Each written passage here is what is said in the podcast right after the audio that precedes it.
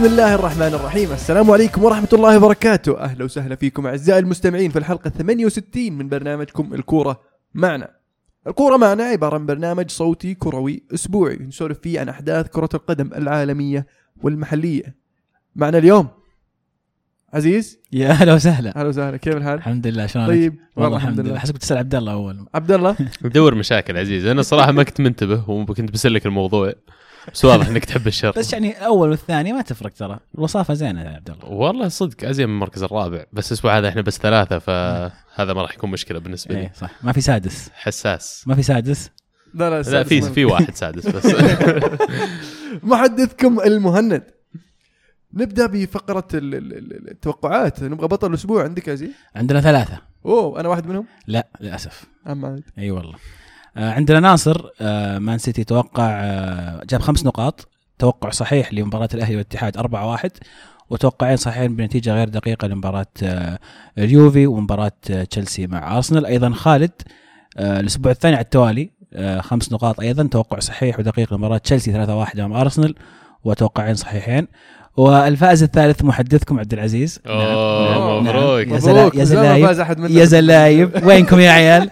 توقعت 1-0 حقت اليوفي توقعتها صحيحة والباقي فوز آه، صحيحة بدون توقع دقيق يعني آه، كنت متوقع صراحة إن تشيلسي يفوز 2-0 بس آه، ما زبطت. clean sheet خرب على الناس كثير حتى في إيه. ال fantasy بالذات. أنواع الناس ماخذين دفاع تشيلسي فانبسطت من هذه النقطة. من هدف جيرو. إيه. المفروض إني حطيته يا أخي fantasy مرة واضحة قاعد يسجل رجال عارف؟ بس مستخسر فيه 8.5 مليون حرام كثير. غالي والله إي غالي. حلو. عقب- عقبالكم الأسبوع القادم يا شباب. شاء الله. عاد نظبطها. الحين نحط لنا جولة طيبة كذا. أوكي. سهلة على نقدر نفوز فيها. طيب. سؤال الحلقة؟ سؤال الأسبوع الماضي يقول هل قرارات حكام الدوري الإسباني المشكوك في صحتها هذا الموسم متعمدة أم أخطاء طبيعية تحدث في كل مكان؟ طبعا في انقسام مرة واضح يعني بين المتابعين، عجبني إنه ما كان خلينا نقول حكمتهم العاطفة في الموضوع، 51% قالوا متعمدة و49% قالوا طبيعية، ومن ضمن الردود اللي جتنا آه، موسيقار زماني يقول أحس إنكم تبالغون يوم تقولون متعمدة، دائما دائما المركز الأول والثاني تكون الأنظار عليهم بشكل كبير، فيطلعون كل غلطة من الحكام. أتفق معاه صراحة. أنا بالنسبة لي أحس إن فيها مبالغة لما نقول انه في ما يحاك خلف الكواليس لتسيير البطولة أو مباريات لشخص آخر لفريق معين مثلا. أنا دائما مع أحب إن أعتقد إن الكرة نظيفة. صح إن تصير أخطاء. في تلاعب مثلا من ناحية تلاعب بنتائج من لعيبة معينين أو أو أو بس إن تدخل حكام أحس إنها شوية مبالغة. وكلامه منطقي فعلا. دائما المركز الأول والثاني أكثر فرق متابعة جماهيرية. فكم خطأ صار الموسم الماضي مثلا على سلتا فيكو؟ مو بكثير ناس مثلا مثبتين لأن المباريات متابعتها أقل. صحيح. حسن الزرعوني كمان يقول بشكل عام مشكلة الحكام في كل مكان بس في الدوري الإسباني واضح تحيز لبعض فرق على حساب الفرق الصغيرة. تحس هذا الشيء ممكن يصير؟ فعلا. أنا أتفق معه. بس إشبيليا استفاد كثير الموسم هذا ترى من أخطاء. كيف؟ إشبيليا استفاد كثير من أخطاء التحكيم. السنة الماضية؟ السنة هذه. السنة هذه؟ إي نعم. شلون؟ في كثير من القرارات راحت لصالح إشبيليا كانت يعني خاطئة. بس هل فعلا أثرت على نتيجة المباراة؟ نعم. ولا كانت يعني already فايزين ولا already خسرانين و... شوف أنا ما ما؟ ودي أفتي لك من عندي الحين لكن أقدر أرجع وأبحث في الموضوع وأجيب لك ان نعم فعلا أثرت في نتائج المباراة okay ارجع وجيب لي. ورد لي طيب لكن إذا أثبت هذا الشيء هل تتفق ان إن سالفة التعمد هذه كلها فقش على قولتك؟ لا صعبة لأن حالة واحدة لكل حالة جواد على قولتك طيب. ولا أجل ما راح أتعب نفسي وأروح أدور لك. زياد القحطاني قال الصراحه كلام أنا ما راح أنقله كامل لكن يقول عنده إثباتات وحقائق مخفية.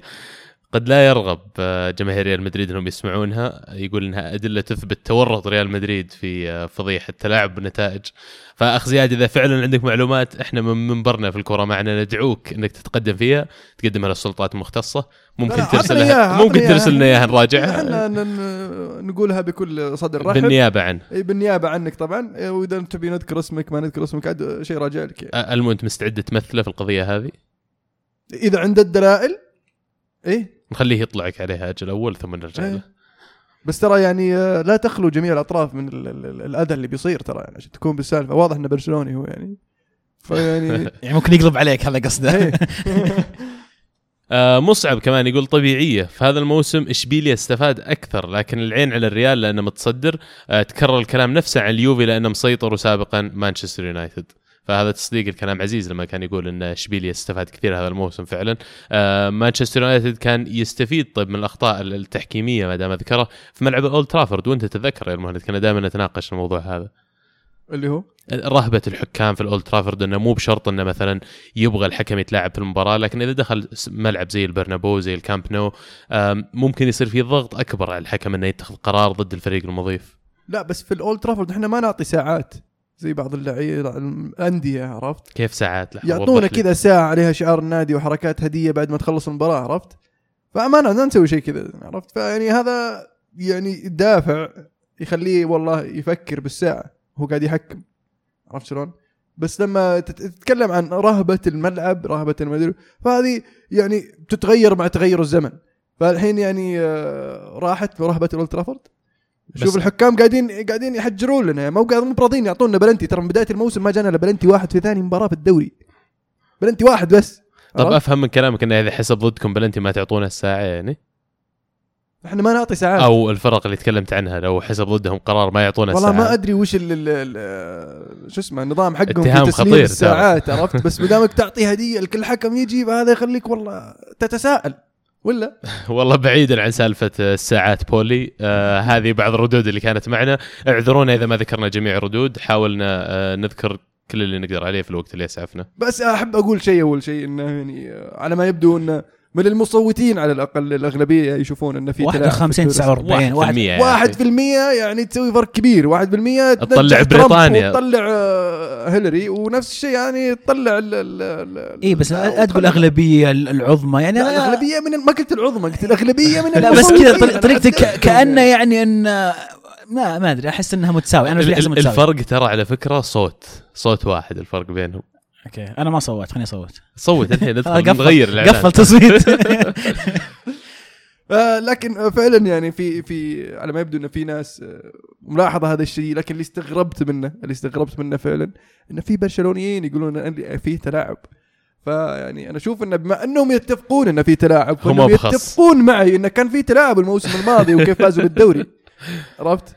أنت و- ما حد يطلع معك ب- على بر يا المهند ليش؟ أنا لو جماهير برشلونه بنحاش منك يا رجال ليش؟ لا ما ما ما قلت شيء أنا ما لا يعني سؤال كان واضح وصريح إذا هو يشوف إنه والله الريال يغش فإن أكيد البرشا يقدر يغش وهذا يثبت إن برشا غش الموسم اللي مو راح شرط. مو شرط مو شرط يمكن لا بس ممكن كلامه صح اي. بس ممكن يشوف إنه لا والله إن الموسم الماضي كان نزيه والموسم هذا كان في تدخل مثلا فجأة كذا سبحان الله. في. ممكن ممكن. يعني سمعنا أشياء أغرب يعني فلا تستغرب. لا يعني شوف شوف في مدريدية كثيرين يقولون إن برشلونة كان فيه تدخل الموسم الماضي كان فيه غش عرفت شلون؟ لكن ما قالوا انه في غش هذه السنة. أنا يعني كلام أخير بالنسبة لي إن الحكام سيئين. في أغلاط تحكيمية مؤثرة نعم. فيه آه، رهبة من الفرق الكبيرة. بالذات برشلونة ومدريد إنك تحسب عليهم آه، مثلا أشياء مصيرية. وأرجع وأقول تحكيم سيء جدا. لقطة مباراة ريال بيتيس امام برشلونة هي تثبت إن سوء التحكيم. ما أتوقع إن في حكم عنده الجرأة إنه يتعمد ما يحسب هذا الشيء. يعني حتى لو حكم يبي يغش ما راح يغش بأشياء زي كذا واضحة. أتوقع راح يدور شيء مثلا يعني آه، ها مشكوك ويحسبها. أما شيء زي كذا واضح هذه مرة بجاحة. ما يبغى يعطي بلنتي. ولا يبغى الجول يدخل. عزيز قصده من فداحة الخطأ يعني مستحيل إنه مقرر يسويه بالطريقة هذه. الفكرة مو مو بالفكرة إنه في الغش إنه ما يبغى يحسب البلنتي ولا ما. هو ما يبغى البرشا يسجل هدف. جاء بلنتي ما شافه. دخلت الكورة طلعت قبل ما يشوفها. سبحان الله. سبحانه بالضبط. شلون؟ بعدين عد جابوا التعادل. المهم. انت عندك اجنده واضح ضد حكام الدوري الاسباني وضد موضوع الرشاوي بالذات. ال- الأسبان أتمنى ما نفسهم- تكون متورط لا لا المهند. الأسبان نفسهم لأن يعني ترى ناس يعني آه، الله يستر عينه عليهم. على طاري الأسبان. نوصل للدوري الأسباني لهذا الأسبوع. خلي الأسبوع اللي راح للي راح وحنا نتكلم عن الأسبوع هذا. حلو. برشلونة يفوز 3-0 بمشاركة الكثير أساسي. مهاجم قدام مع ميسي وسوار- ميسي ونيمار. وسجل هدف برضه شيء كويس بالنسبة لنا. أشوف إنه يعني آه، خذ الوقت شوي عشان يتأقلم. والله أنا أول ما شفت التشكيلة قلت آه، رجع الأخ يحوس مرة ثانية في التشكيلة غارسيا آه، توقعت إنه يعني لأن أردا توران لعب في الوسط. عجبني نزل الكس فيدال اللي ما خيب الظن واللي ما زال يثبت إنه فعلا ظهير ايمن يستاهل يكون أساسي في هذه التشكيلة فعلا ثاني مرة يلعب وثاني مرة يبدع برضه في. فعلا. نفس كثير. اظلموا كثير أول ما جاب العيد في بدايته لما بدأ يشارك معاهم استبعدوه بشكل كلي وبدأوا يقولون إن هذا لاعب ما ينفع أصلا وبدأوا يدورون له على أندية ثانية مستعدة تاخذه فزي ما قال عزيز يمكن فترة هذه اللي قضاها على خلينا نقول على المدرجات ولا حتى على دكة الاحتياط خلته فعلا يلقى نفسه من جديد وممكن ي- يرجع ينولد في ال role هذا.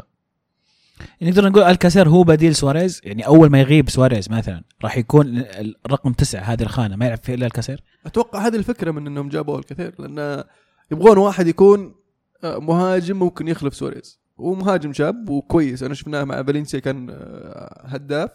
وأتوقع إنه يقدر يعني يكون آه، بديل لسواريز. أنا ما أتصور المشكلة هذا الشيء إنه اعطاه الآن الفرصة في فرصة نادرة خلينا نقول يحصل عليها ألكاسير عشان يلعب وأدى بشكل كويس سجل جول يعني وسوى اللي مطلوب منه إلى حد كبير. ف الموضوع إنه لما تحط واحد بدال سواريز لازم يعطيك إضافة أخرى. باكو ألكاسير أنا أشوف إنه ما راح يلعب إلا في غياب كل الخيارات المتاحة الأخرى. حتى ممكن نشوف مرات لاعبين وسط يلعبون قبل ما يلعب ألكاسير بس هذه النقطة انه لعب أردا توران في النص. يعني حتى يعني شيء أنا عجبني إنه عطى الفرصة لألكاسير راكيتيتش حطه على الدكة صح؟ إيه. فيمكن يمكن يعني مقتنع عنده اقتناع إنه خلاص ألكاسير أنت خانتك رقم تسعة. إذا غاب ميسي أو نيمار ما راح تلعب. بيلعب مثلا رافينيا ولا يلعب آه، اردا توران. أنت بس إذا غاب سواريز تلعب في الخانة هذه. ما يحط ميسي مثلا فيها ولا نيمار تشوفه يلعب كرقم تسعة أقرب من باكو ألكاسير خصوصا مركز حساس يعني. أنا هذا توقعت يسويه أصلا لما بي مثلا بيريح سواريز توقعت يسوي كذا. لكن اللي صار العكس تماما إنه لا لعب الكاسير ولعب ميسي على اليمين ونيمار على اليسار و... والوسط تغير. فكانت يعني آه،. يعني جميلة لكن هل هل التدوير هذا راح يأثر على برشلونة زي ما شفناه في المواسم في الجولات الماضية ولا بالعكس الآن الفريق بدأ يتحسن وبدأ يلاقي الشكل المناسب؟ لا وجتهم إصابة في مركز حساس بعد رافينيا يعني طلع في المباراه مصاب فغيابه أنا أشوف راح يأثر كثير على حظوظهم من ناحية إنه لما يبغى يسوي المداورة اللي تكلمت عنها لأنه لاعب جوكر لحد ما يلعب في جميع مراكز الوسط والهجوم. أنا أشوف إن ال- ال- التدوير مهم بالنسبة لأي فريق ينافس على يعني بطولات مختلفة ومتعددة. فاللي ساعدهم برضو هذا الشكل الجديد في خط الوسط آه، بوسكيتس كانت إصابته قريبة يعني وإنيستا ما بعد آه، رجع بكامل جاهزيته. فاضطر إنه يلعب هذول اللعيبة. آه، راكيتيتش أنا ما أدري ليش ما لعب أساسي بس يمكن آه، أفكر في المباريات الجاية. فلعب جوميز في مركز المحور اللي اللي نفضله إحنا آه، إنه يكون يلعب فيه هو. وبالعكس أدى أداء طيب. وأردا توران يعني صار له فترة يلعب في هذا المركز. أشوف إنه آه، يقدر يعني يلعب مباراة آه، بهذا ال- الحجم يعني في رغم الظروف يعني.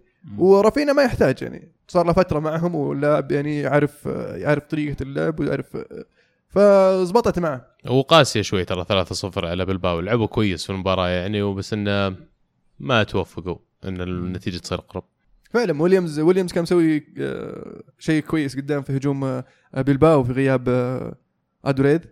وجته كان فرصة يعني كان بإمكانه إنه يسوي أفضل إنه يفت- يناول اللي جنبه لكن هو كان ويبي يسجل جول. يبغى يستغل الفرصة. كان في أخطاء تحكيمية في المباراة؟ خلصنا موضوع التاخير لو سمحت ما أبغى أرجع له خلاص.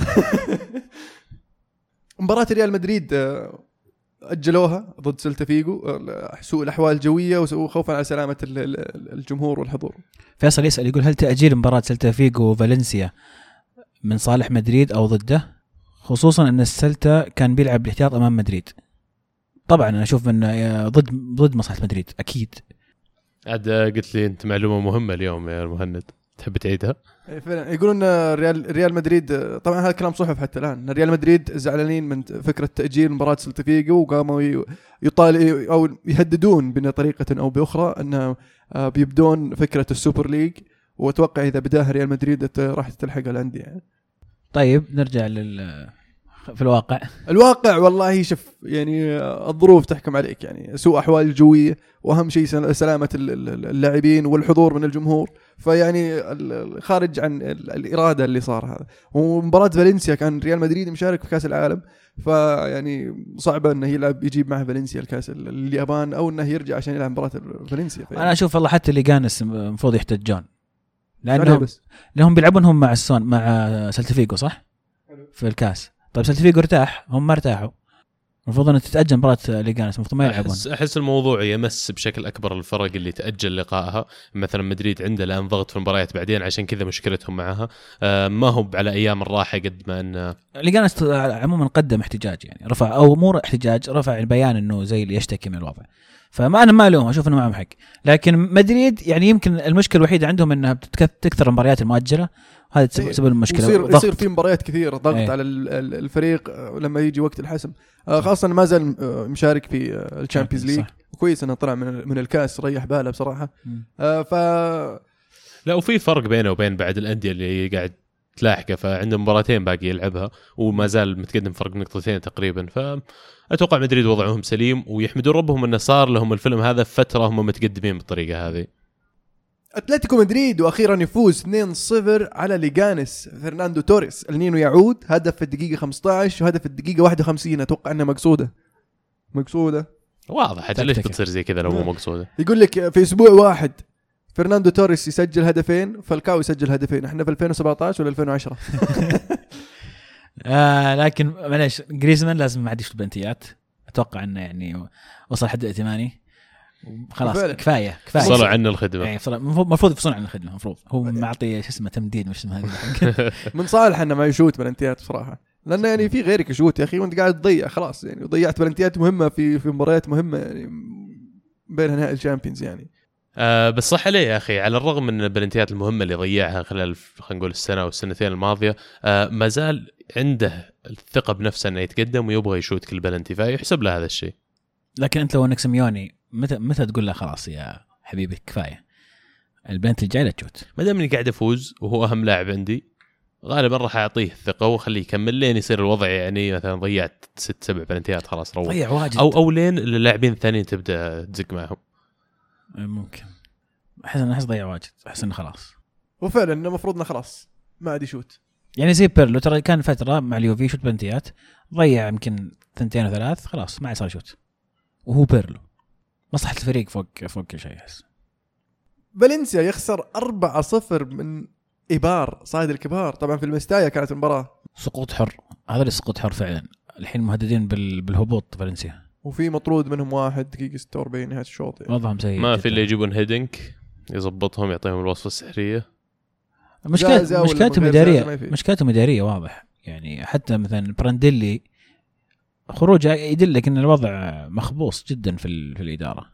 حرام والله فريق زي فالنسيا يهبط. فعلا لأنه وصلوا الحين المركز ال 16 ب 19 نقطة. ال- ال- ال- المركز ال 18 ب 13 نقطة. فرق ست نقاط يعني. ففي في في حالة حرجة بصراحة فالنسيا. واشبيليا إشبيليا تعادل 0 0 مع مع فيا ريال في ريال فريق صعب.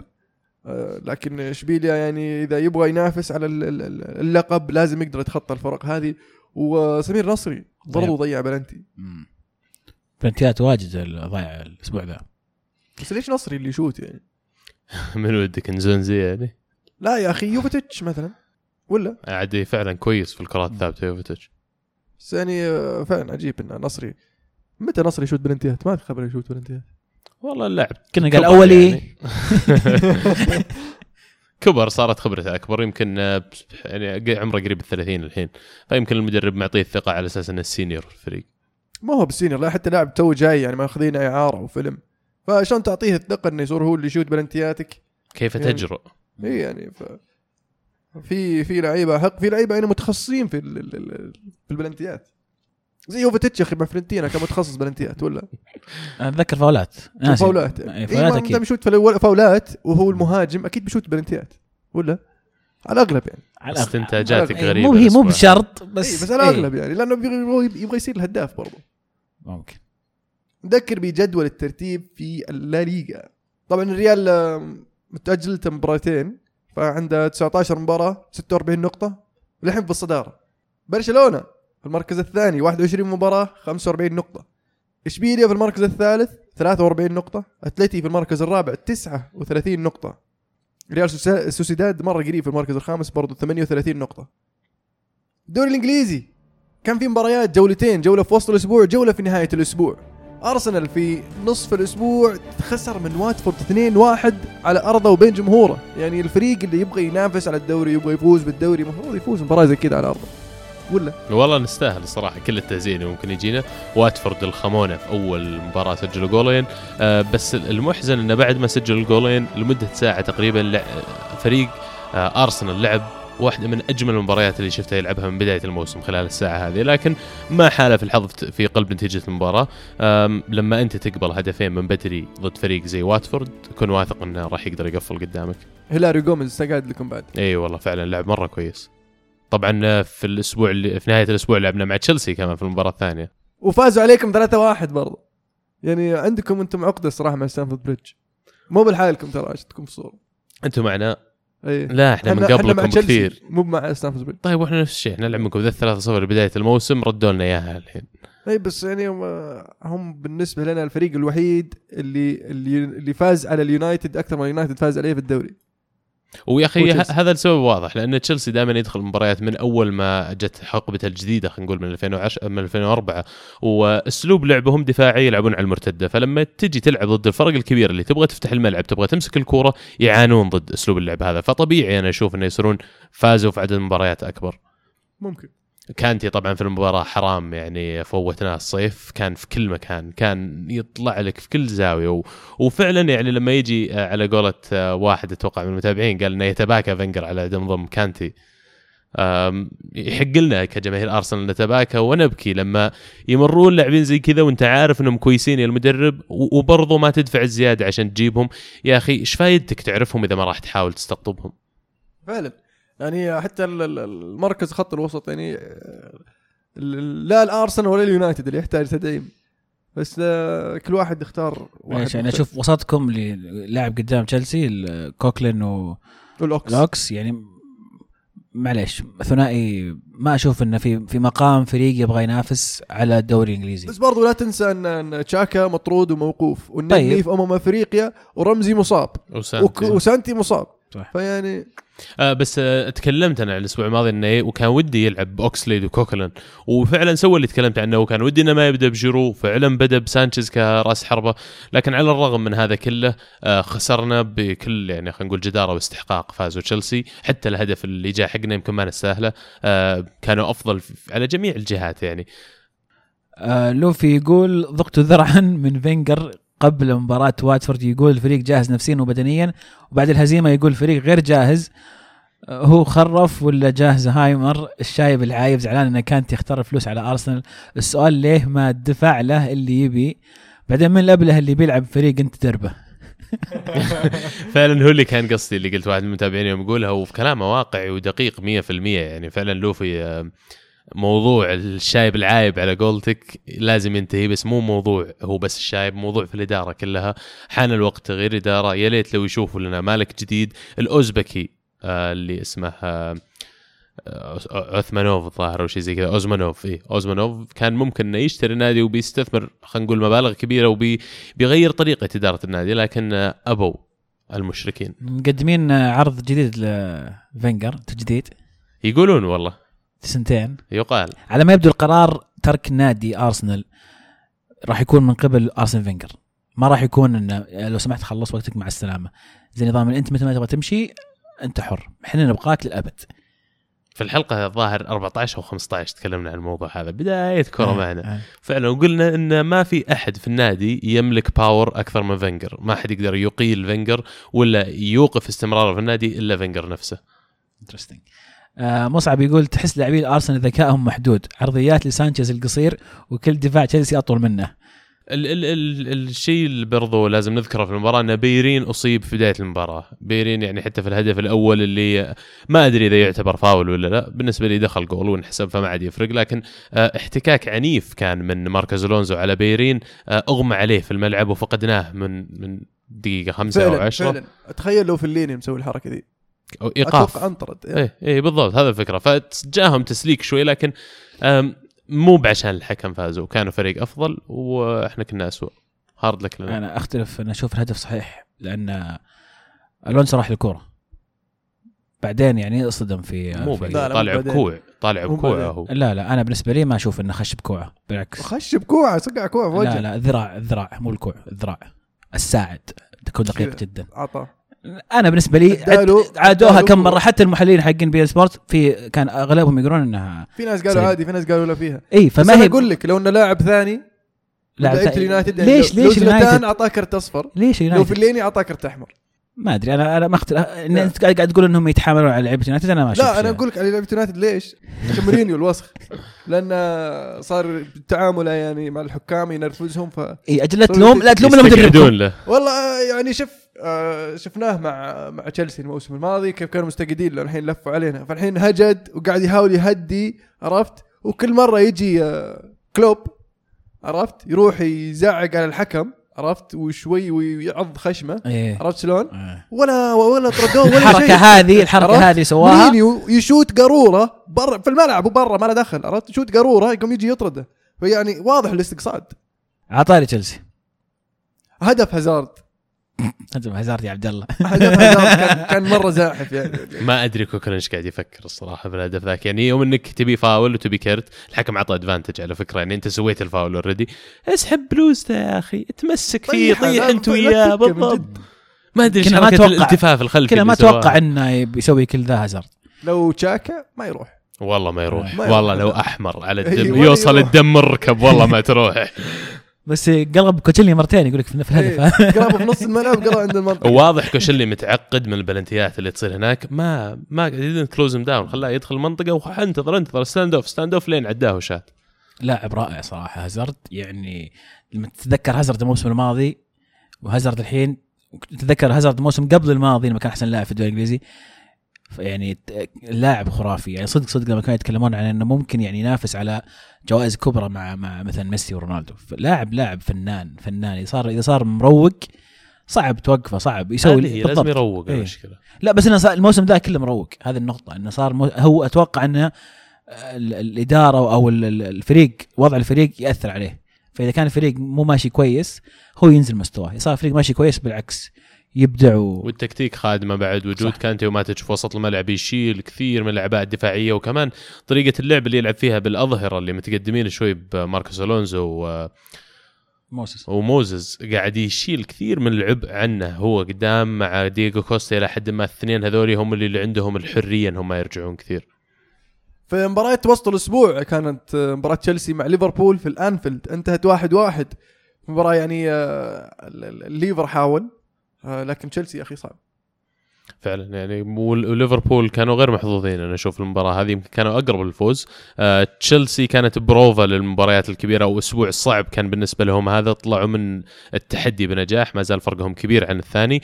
ليفربول آه، تعادلوا في المباراة وخسروا في المباراة الثانية ف بيصير عندهم حاليا مشكلة في اللحاق بالركب. صاروا المركز الخامس بنهاية الجولة هذه. فعلا هو يعني آه، العجيب انه من دخل 2017 ما فازوا إلا مباراة واحدة وكانت ضد بليموث في ال FA Cup اللي يعني طلعوا منه already أنا عجبني تشيلسي في المباراة هذه انه حتى يوم جاب التعادل ما ما استسلم ما وقف قال خلاص تعادل يكفي.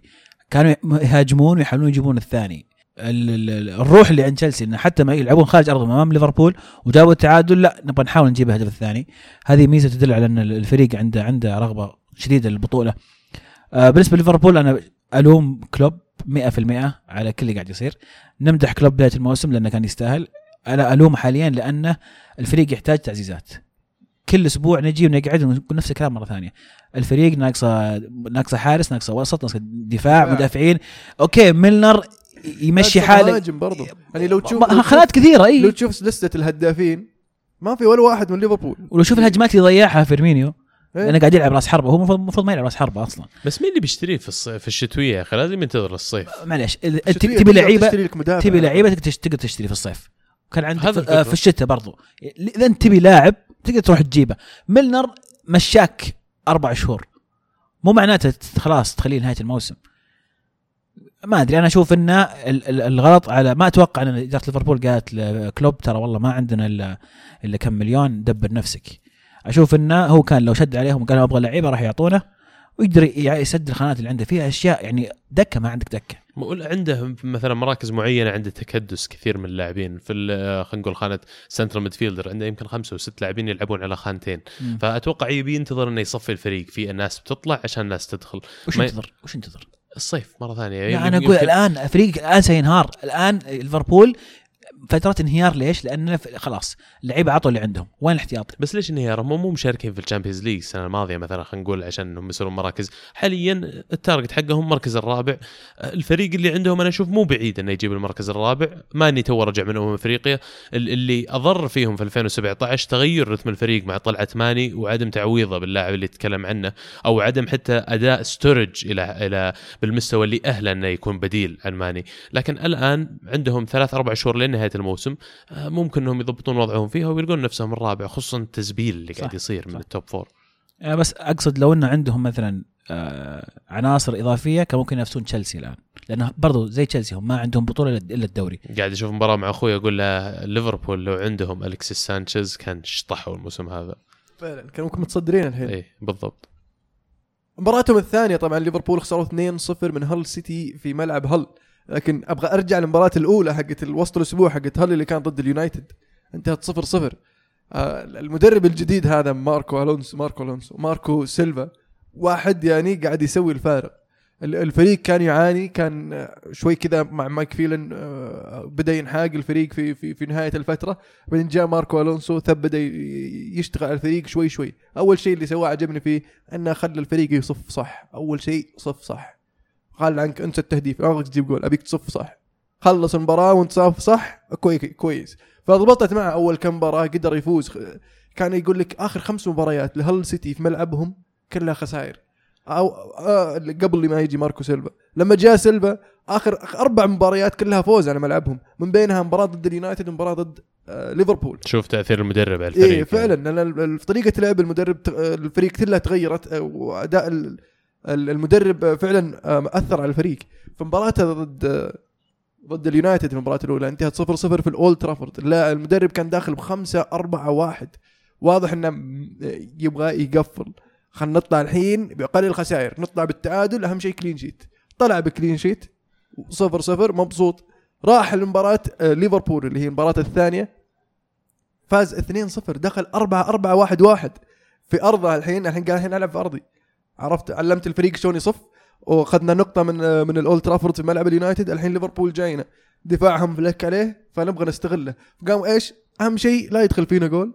ونبغى نستغل أي هجمة تجي. وفعلا يعني مو بالفريق ورا اللي كان له هجمات كثيرة بس لما جت هجمة استغلها. وهدف اللي جاء في دقيقة 85 آه ريحهم كثير. فازوا 2-0 على بعثرة ليفربول. كثير آه. الهدف الأول كان بعثرة يعني زي ما تقول دربكه قدام مرمى ودخل الجول.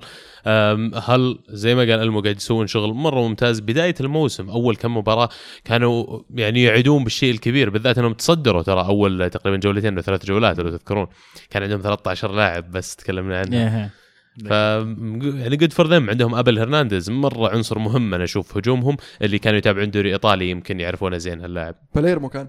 آه ال- ال- الحلو برضو في الموضوع إنه كان وقتها عارف انه آه الفريق يعتمد على آه فعالية آه سنود جراس في الفريق. آه اختلاقه للفرص التسديدات الكرات الثابتة. آه لكن شاف الوضع غير مستقر.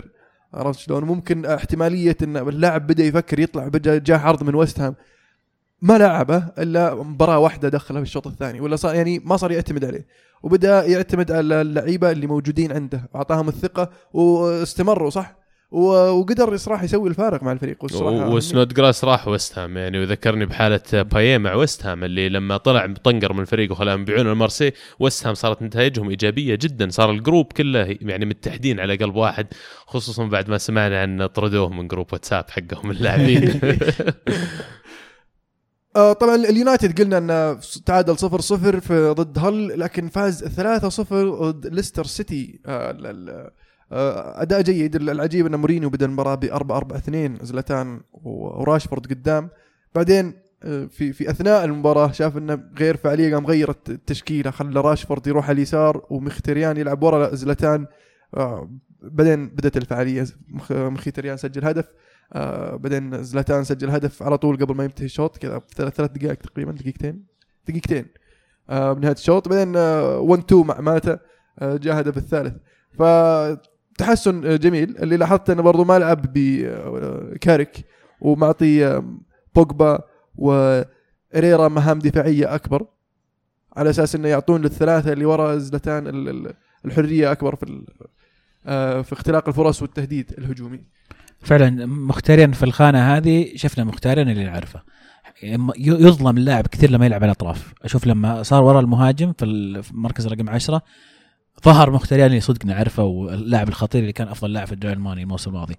آه في سؤال متيم باليونايتد يقول سؤال المهند أكرر فقط للمهند. آه تتوقع لو مختاريا التأل... آه لو مختاريا التألق اللي فيه الآن لو كان هالتألق من بداية الموسم تتوقع كان اليونايتد ينافس على اللقب وبرضه هل تعتقد آه، لو تمت صفقة جريزمان في الصيف يكون متألق مع الفريق بالرغم من تصريح مورينيو بأنه لاعب مميز بس ما يخدم طريقة أسلوب special one أنا وعزيز طبعا بنطلع منها لا بنجاوب إحنا. أنا أقول إيش رأيك نجاوب إحنا بس. بدون أنا. ممنوع تجاوب. تفضل. آه، في البداية طبعا أكيد إن مخيتاريان يعني وجوده آه، مهم. لو كان بالفعالية هذه في بداية الموسم كان فرق مع اليونايتد آه، فرق كبير. آه، وكان ممكن نشوف اليونايتد الحين على الأقل في ال top 3 آه، لأن جتنا جت جت فترة آه، آه، كان اليونايتد بعرف يفوز وكان يحتاج الواحد اللي اللي آه، يسوي الفارق. وهذا اللي قاعد يسويه الحين مخيتاريان.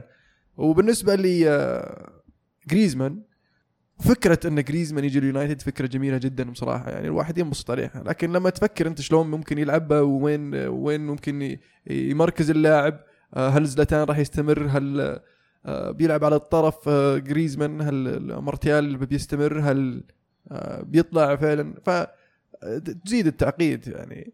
فأنا أقول آه، كل شيء وقته حلو. لما لا منه جاء إن شاء الله نبدأ نتناقش وين وين أفضل مركز له. مانشستر سيتي؟ مانشستر سيتي فعلا فاز في 4-0. المباراة الأولى آه، اثنين آه، sorry 4-0 على ويست هام. ويست هام يا أخي مساكين يعني لما يلعبون ضد آه، سيتي يجلدونهم.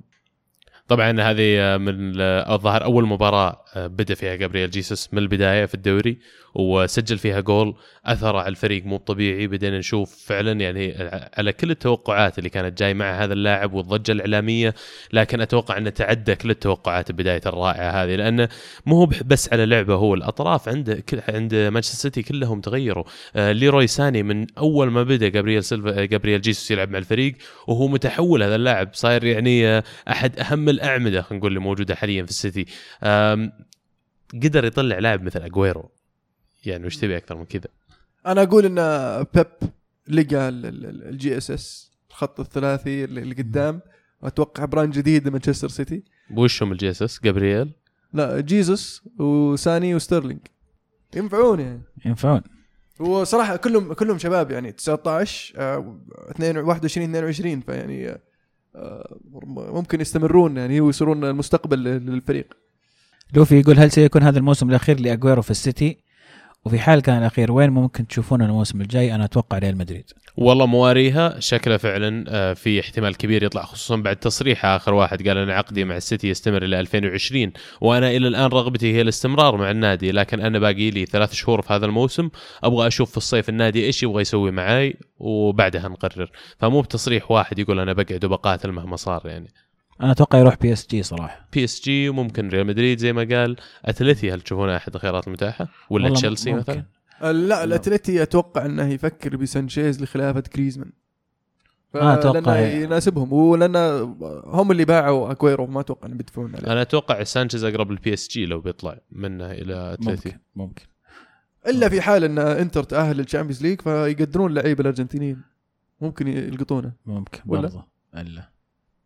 ممكن يوفي ما يوفي تبغونه؟ ممكن اليوفي بس عندكم تكدس هجوم كثير اليو- اليوفي أتوقع يبغون واحد زي خاميس لو يلعب على اليسار مكان مانزوكيتش يدافع أجويرو ولا ما يدافع؟ ما يدافع، يدافع ما. أجل ما نبيه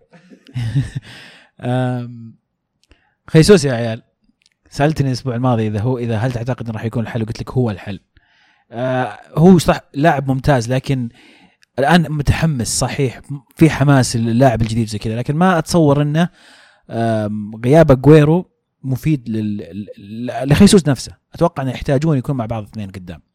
تخيل أن اجويرو وخيسوس مع بعض موجودين نفس الفريق. يعني ممكن يرتاح مثلا ستيرلينج في مباراه مباريات. آه، ممكن يلعب 3 5 2 هذا اللي سواه آخر مرة ما شفت تشكيلة الزاحف. حاط قلب دفاع واحد في الخطة كلها. والظهيرين والباقيين وسط وهجوم كان 3 4 3 أكثر ولا؟ ثلاثة يعني أربعة تقدر ثلاثة، تسميها إيه. كذا بس أنا بالنسبة لي كانت 3 7 0 3 7 0 عاد بيب في كتابة يقول أحب أبدأ أحب أحيانا يقول أحيانا أحب أبدأ المباراة بتشكيلة وبعد خمس دقائق أغيرها بس عشان ألخم الخصم يغيرها بتبديل لا لا لا يغيرها لا لا لا؟ كذا بإشارة بس غيروا يلا يتحركون اللعيبه فزي ما قلنا دائما التشكيلة على الورق شيء وفي الواقع شيء بس فعلا كلوب لعب و- إيه. اللعب اللاعبين الهجوم يعني تكلم عن ساني ستيرلينج جابرييل جيسوس كيفن دي بروين سيلفا آه فرناندينيو لا مو فرناندينيو كان فيه فرناندينيو ويا إيه، كان يلعب ظهير يمين. كان يلعب ظهير يمين. إيه. فرناندينو. السبع لاعبين هذول كلهم أربعة وسط واحد هجوم. أربعة واحد. ترى كانت شكلها كذا على الورق. أربعة واحد أربعة واحد. فرناندينو ظهير يمين. أو كان مغطي الجهة اليمنى. هذه أول خمس دقائق. يمكن غير بعدين تغيرت لكن أول ما بدأ المباراة كان فرناندينو يلعب ظهير يمين. تتكلم عن مباراة ويست هام؟ المباراة الأخيرة سوانزي. آه سوانزي. سوانزي. سوانزي. أربعة واحد أربعة واحد. يايو توريه هو قدام الدفاع وفي الأخير ترى حتى سلكت شوي مع السيتي إن الهدف اللي جاء في الأخير آه، طاحت من يدين الحارس الكورة وقدر يسجلها جابرييل جيسوس آه، تلحيقا لضربة الرأس اللي هو أصلا سواها في البداية. ما كان ممسك. أتفق معك على عزيز يا عزيز على موضوع إنه جاي متحمس آه، وهذا الشيء قاعد يلعب دور كبير في اللي قاعد يسويه. لكن آه، اللاعب quality يا أخي وال- أو أثره على الفريق بشكل كامل الدفعه اللي أعطاها الفريق آه، ما تقاس. هذه في المباراة الثانية اللي انتهت بين بين سيتي وسوانزي مانشستر سيتي وسوانزي انتهت 2-1 لمانشستر سيتي. آه توتنهام تعادل في المباراة الأولى في وسط الأسبوع 0-0 مع مع ساندرلاند ساندرلاند يعني ساندرلاند اللي فجر المفاجأة وفاز 4-0 على كريستال بالاس وفي المباراة الثانية فاز 1-0 على ميدلزبرا أتوقع كريستال بالاس اللي قاعدين يطيحون سقوط حر. آه، وممكن تصير أول أول فريق يهبط مع ال- ال Big Sam أو سام ألردايس سعد يسأل يقول ليش توتنهام أكثر نادي كريه عند مشجعين الدوري الإنجليزي؟ بالنسبة لي أشوفه نادي ممتع وأحسه مظلوم. لا عدة أشياء. أول شيء الفريق يهودي. آه، ثاني شيء آه، كريه يحسبون إنهم لعيبة يعني فريق كويس ويسوي زحمة والشارع فاضي واخرتها ينصقع عرفت شلون؟ آه. زي الموسم اللي راح فاز عليه ليستر ويوم ذا في الأخير آه، أخذ الثاني أرسنال. فيعني آه، أنا ودي أسمع من أرسناوي. يعني زي ما قال لك هم دائما التاريخ حقهم suspect في أشياء كثير. نختلف معاهم جوهريا فيها المنطقة اللي يجون منها سبيرز من البداية منطقة خلينا نقول آه طبقيتها مختلفة ناس عنصريين كثير فيهم آه فقد يكون هذا ادى إلى كره النادي هذا لكن أتفق أنا مع. مع سعد من ناحية أنه ممتع فريق حالياً مع يقدم؟ إيه، يقدم كرة ممتعة كرة. جميلة وهذا مثال على نادي كان شغال خلينا نقول بصمت مم. ووصل سبق كثير من الأندية اللي أكبر منه نذكر بجدول الترتيب بعد الجولة 24 تشيلسي بالصدارة ب 59 نقطة توتنهام في المركز الثاني ب 50 نقطة مانشستر سيتي في المركز الثالث ب 49 نقطة أرسنال في المركز الرابع ب 47 نقطة ليفربول يوصل للمركز الخامس ب 46 نقطة مانشستر يونايتد في المركز السادس ب 45 نقطة إيفرتون اللي فازوا 6 3 و super hat-trick و assist من لوكاكو واحتفالية ل- شو اسمه؟ باركلي قبل ما. يسجل. آه، في المركز السابع ب 40 نقطة. آه، الفانتسي الأسبوع هذا ما صار تغيير كبير على توب 3 بس دخول آه، حمود زحمول في المركز الثالث. آه، المركز الأول عندنا غانم الوادي والمركز الثاني إدريس هوساوي. وترتيب آه، أعضاء الكرة معنا. أنا عبد الله محدثكم في المركز السابع ومعانا كمان آه، عزيز في المركز رقم 20 ثابت مكانك. والمو تقدم الأسبوع هذا يوصل المركز ال 25 آه، عقابا. أوف والله قربت جاي كان اسمه عقابا لدبي ما راح نذكر إن الأسبوع هذا هو في المركز ال عاد 40 فايزين ومكسرين الدنيا يعني أتوقع الظاهر. حزين هو على اعتزال فرانك لامبارد يوم الخميس أعلن اعتزاله. ولا ما يبدو إنه. فنكس الأسهم حقت الفريق بعد لا بس آه، يعني تشيلسي حسم الدوري يا عيال إيش تبدو لي هكذا. إحنا كنا نقول ننتظر المباراتين الأسبوع هذه. هذا إيه. بالضبط. وقدروا يطلعون منها مو بس بأقل الخسائر قدروا إنهم يعطلون. كان منافسهم المباشر ليفربول بالتعادل خلوا الوضع زي ما هو وقدروا يفوزون علينا. في أسبوع تعثر فيه جميع الم- المنافسين على الدوري فأسبوع أكثر من رائع بالنسبة لهم ويستاهلون. صحيح. في الدوري الإيطالي مباراة الأسبوع بالنسبة لي نابولي وبولونيا بولونيا ونابولي.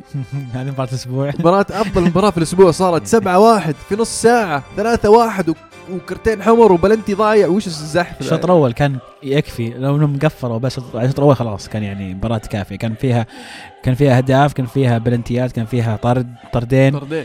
يعني خلاص الشوط الأول كان كان في ما أدري إيش لعب الشوط الثاني. أتوقع أتوقع اندموا على الشوط الثاني إنهم نزلوا الفريق الثاني. كاليخون يا أخي ما أدري إيش يسوي كان يلعب آه، في البلنتي. حالة البلنتي كان الظاهر يلعب طائرة. يعني ال- ال corner وكان يحاول يسوي تصدي للكبس كأنه. فما أدري إيش كان يفكر. تسبب بالبلنتي بعدين بعدها حالة يعني ما أدري ليش كان متنرفز. إيه. فايزين ثلاثة تقوم تسوي الحركة هذه يعني واحد كرف عليك يعني. تشوتك قدام الحكم كذا يعني وشو؟ ليش؟ ليش تحط نفسك موقف محرج يعني؟ ما أدري إيش جاه تنرفز فعلا. لكن لكن ال- الشيء الجميل آه اللي في رأيي أفضل لاعب في الدوري الإيطالي حتى الآن دريس ميرتنز اللي قاعد يسويه شيء خرافي. في آخر 10 مباريات 14 هدف. وفي خانة مي بخانته ترى على فكرة يعني ما كان يلعب هنا فجأة صار مهاجم فجأة جاب 14 هدف في آخر 10 أتوقع مباريات. ساري اللي لقاله مكان جديد. نعم, نعم. طلع مهاجم وهو ما يدري ميرتنز. فلاعب يقدم مستويات طبعا الحين تصدر هدافين الدوري الإيطالي ف ومباراة كانت جميلة له هو وهامسك أيضا. هامسك اللي صار ثاني هداف في تاريخ نابولي. ما ما بالهداف؟ لا ثاني الهداف. ثاني أكثر هداف. باقي عن باقي عن مارادونا ست أهداف. أوه ما بقى شيء. ممكن يجيب إيه. الموسم هذا. نعم. آه. فايضا هامسك أسطورة يعتبر الآن في في نابولي. مباراة كانت جميلة لنابولي بشكل عام يعني. واست... زي ما أقول استعراض. يعني أنا ودي لو يعني صح إن بولونيا ال- الفريق المقابل ولا يعني تقدر تقيس عليه بس أتمنى لو أحد مدريدي قاعد يتفرج على المباراة عشان بس يكون عنده فكرة عن وش يتوقع من في المباراة الجاية. لا احسن لهم ما يشوفونه. يفاجئونهم. إيه. طبعا هاتريك هامسك وهاتريك آه، ميرتنز وهدف إنسيني. آه ميرتنز برضو سوى assist يعني صنع هدف وسجل ثلاثة. آه AC ميلان يخسر 1-0 في ال- ال- ال- ال- سان سيرو ضد سامبدوريا. مرة عجيبة يعني. مي- ميلان مو بعارف آه يسجل. آه ونيانج قاعد يهدف لواتفورد في في الدوري الإنجليزي. فهل مقتنع أن الصفقة كانت صحيحة ولا؟ إيه أحس إنه مو هذه المشكلة مشكلة ميلان. الآن يمكن بعد الإصابات والغيابات يمكن تقول والله لو لو نيانج في في مستواه اللي, اللي كان برز فيه الموسم الماضي راح يكون مفيد. لكن مشكلة نيانج انه إنه آخر فترة ما له خلق يلعب. هو اللاعب نفسه ينزل ولا يؤدي شيء يتمشى في الملعب. بداية الموسم يا أخي نيانج كان جزء مهم عنصر فعال في الفريق ومن اهم اللعيبة في الفريق. هو اللي ساعدهم إنهم يوصلون لمراكز متقدمة في بداية الموسم. ال ال ال ما أدري وش اللي قاعد يصير خلف الكواليس بس المفروض إنه المدرب قدر المفروض المدرب قدر إنه إيش آه، يحتوي الموضوع لأنه يعرف أن اللاعب راح يستفيد منه كثير. والله زي بس زي ما قال لك عزيز فعلا إذا اللاعب ما عنده الرغبة إنه يستمر ما عنده الرغبة إنه يلعب عشان القميص اللي هو لابسه أفضل إنهم يتركونه يمشي. أزمة إصابات غير طبيعية قاعد تضرب بالميلان حاليا وعلى الرغم إن كثير لاعبين قاعدين يلعبون خارج مراكزهم المعهودة واللي متعودين عليها لكن ترى إلى حد ما قاعدين يأدون يعني. آه كانوا يمكن أكثر شيء فقدوه في المباراة هذه كان آه ال creativity ولا اللاعب الوسط اللي فعلا ممكن يصنع الهجمة. خصوصا إن شفنا في غياب بونافنتورا ما في أحد ثاني قام بنفس الدور. ديلوفيو ما عجبني كثير كان ممكن يقوم بالفرق يعني حسيت إنه متردد في كثير من الكور وخايف إنه يسوي pass غلط ولا يسوي pass أمامي يؤدي انهم يفقدون الكورة. بس كان فعال ترى ديلوفيو وكان أكثر لاعب في الميلان اللي اختلق فرص. آه لكن برضو لسه تو جديد على الفريق تو جديد على الدوري.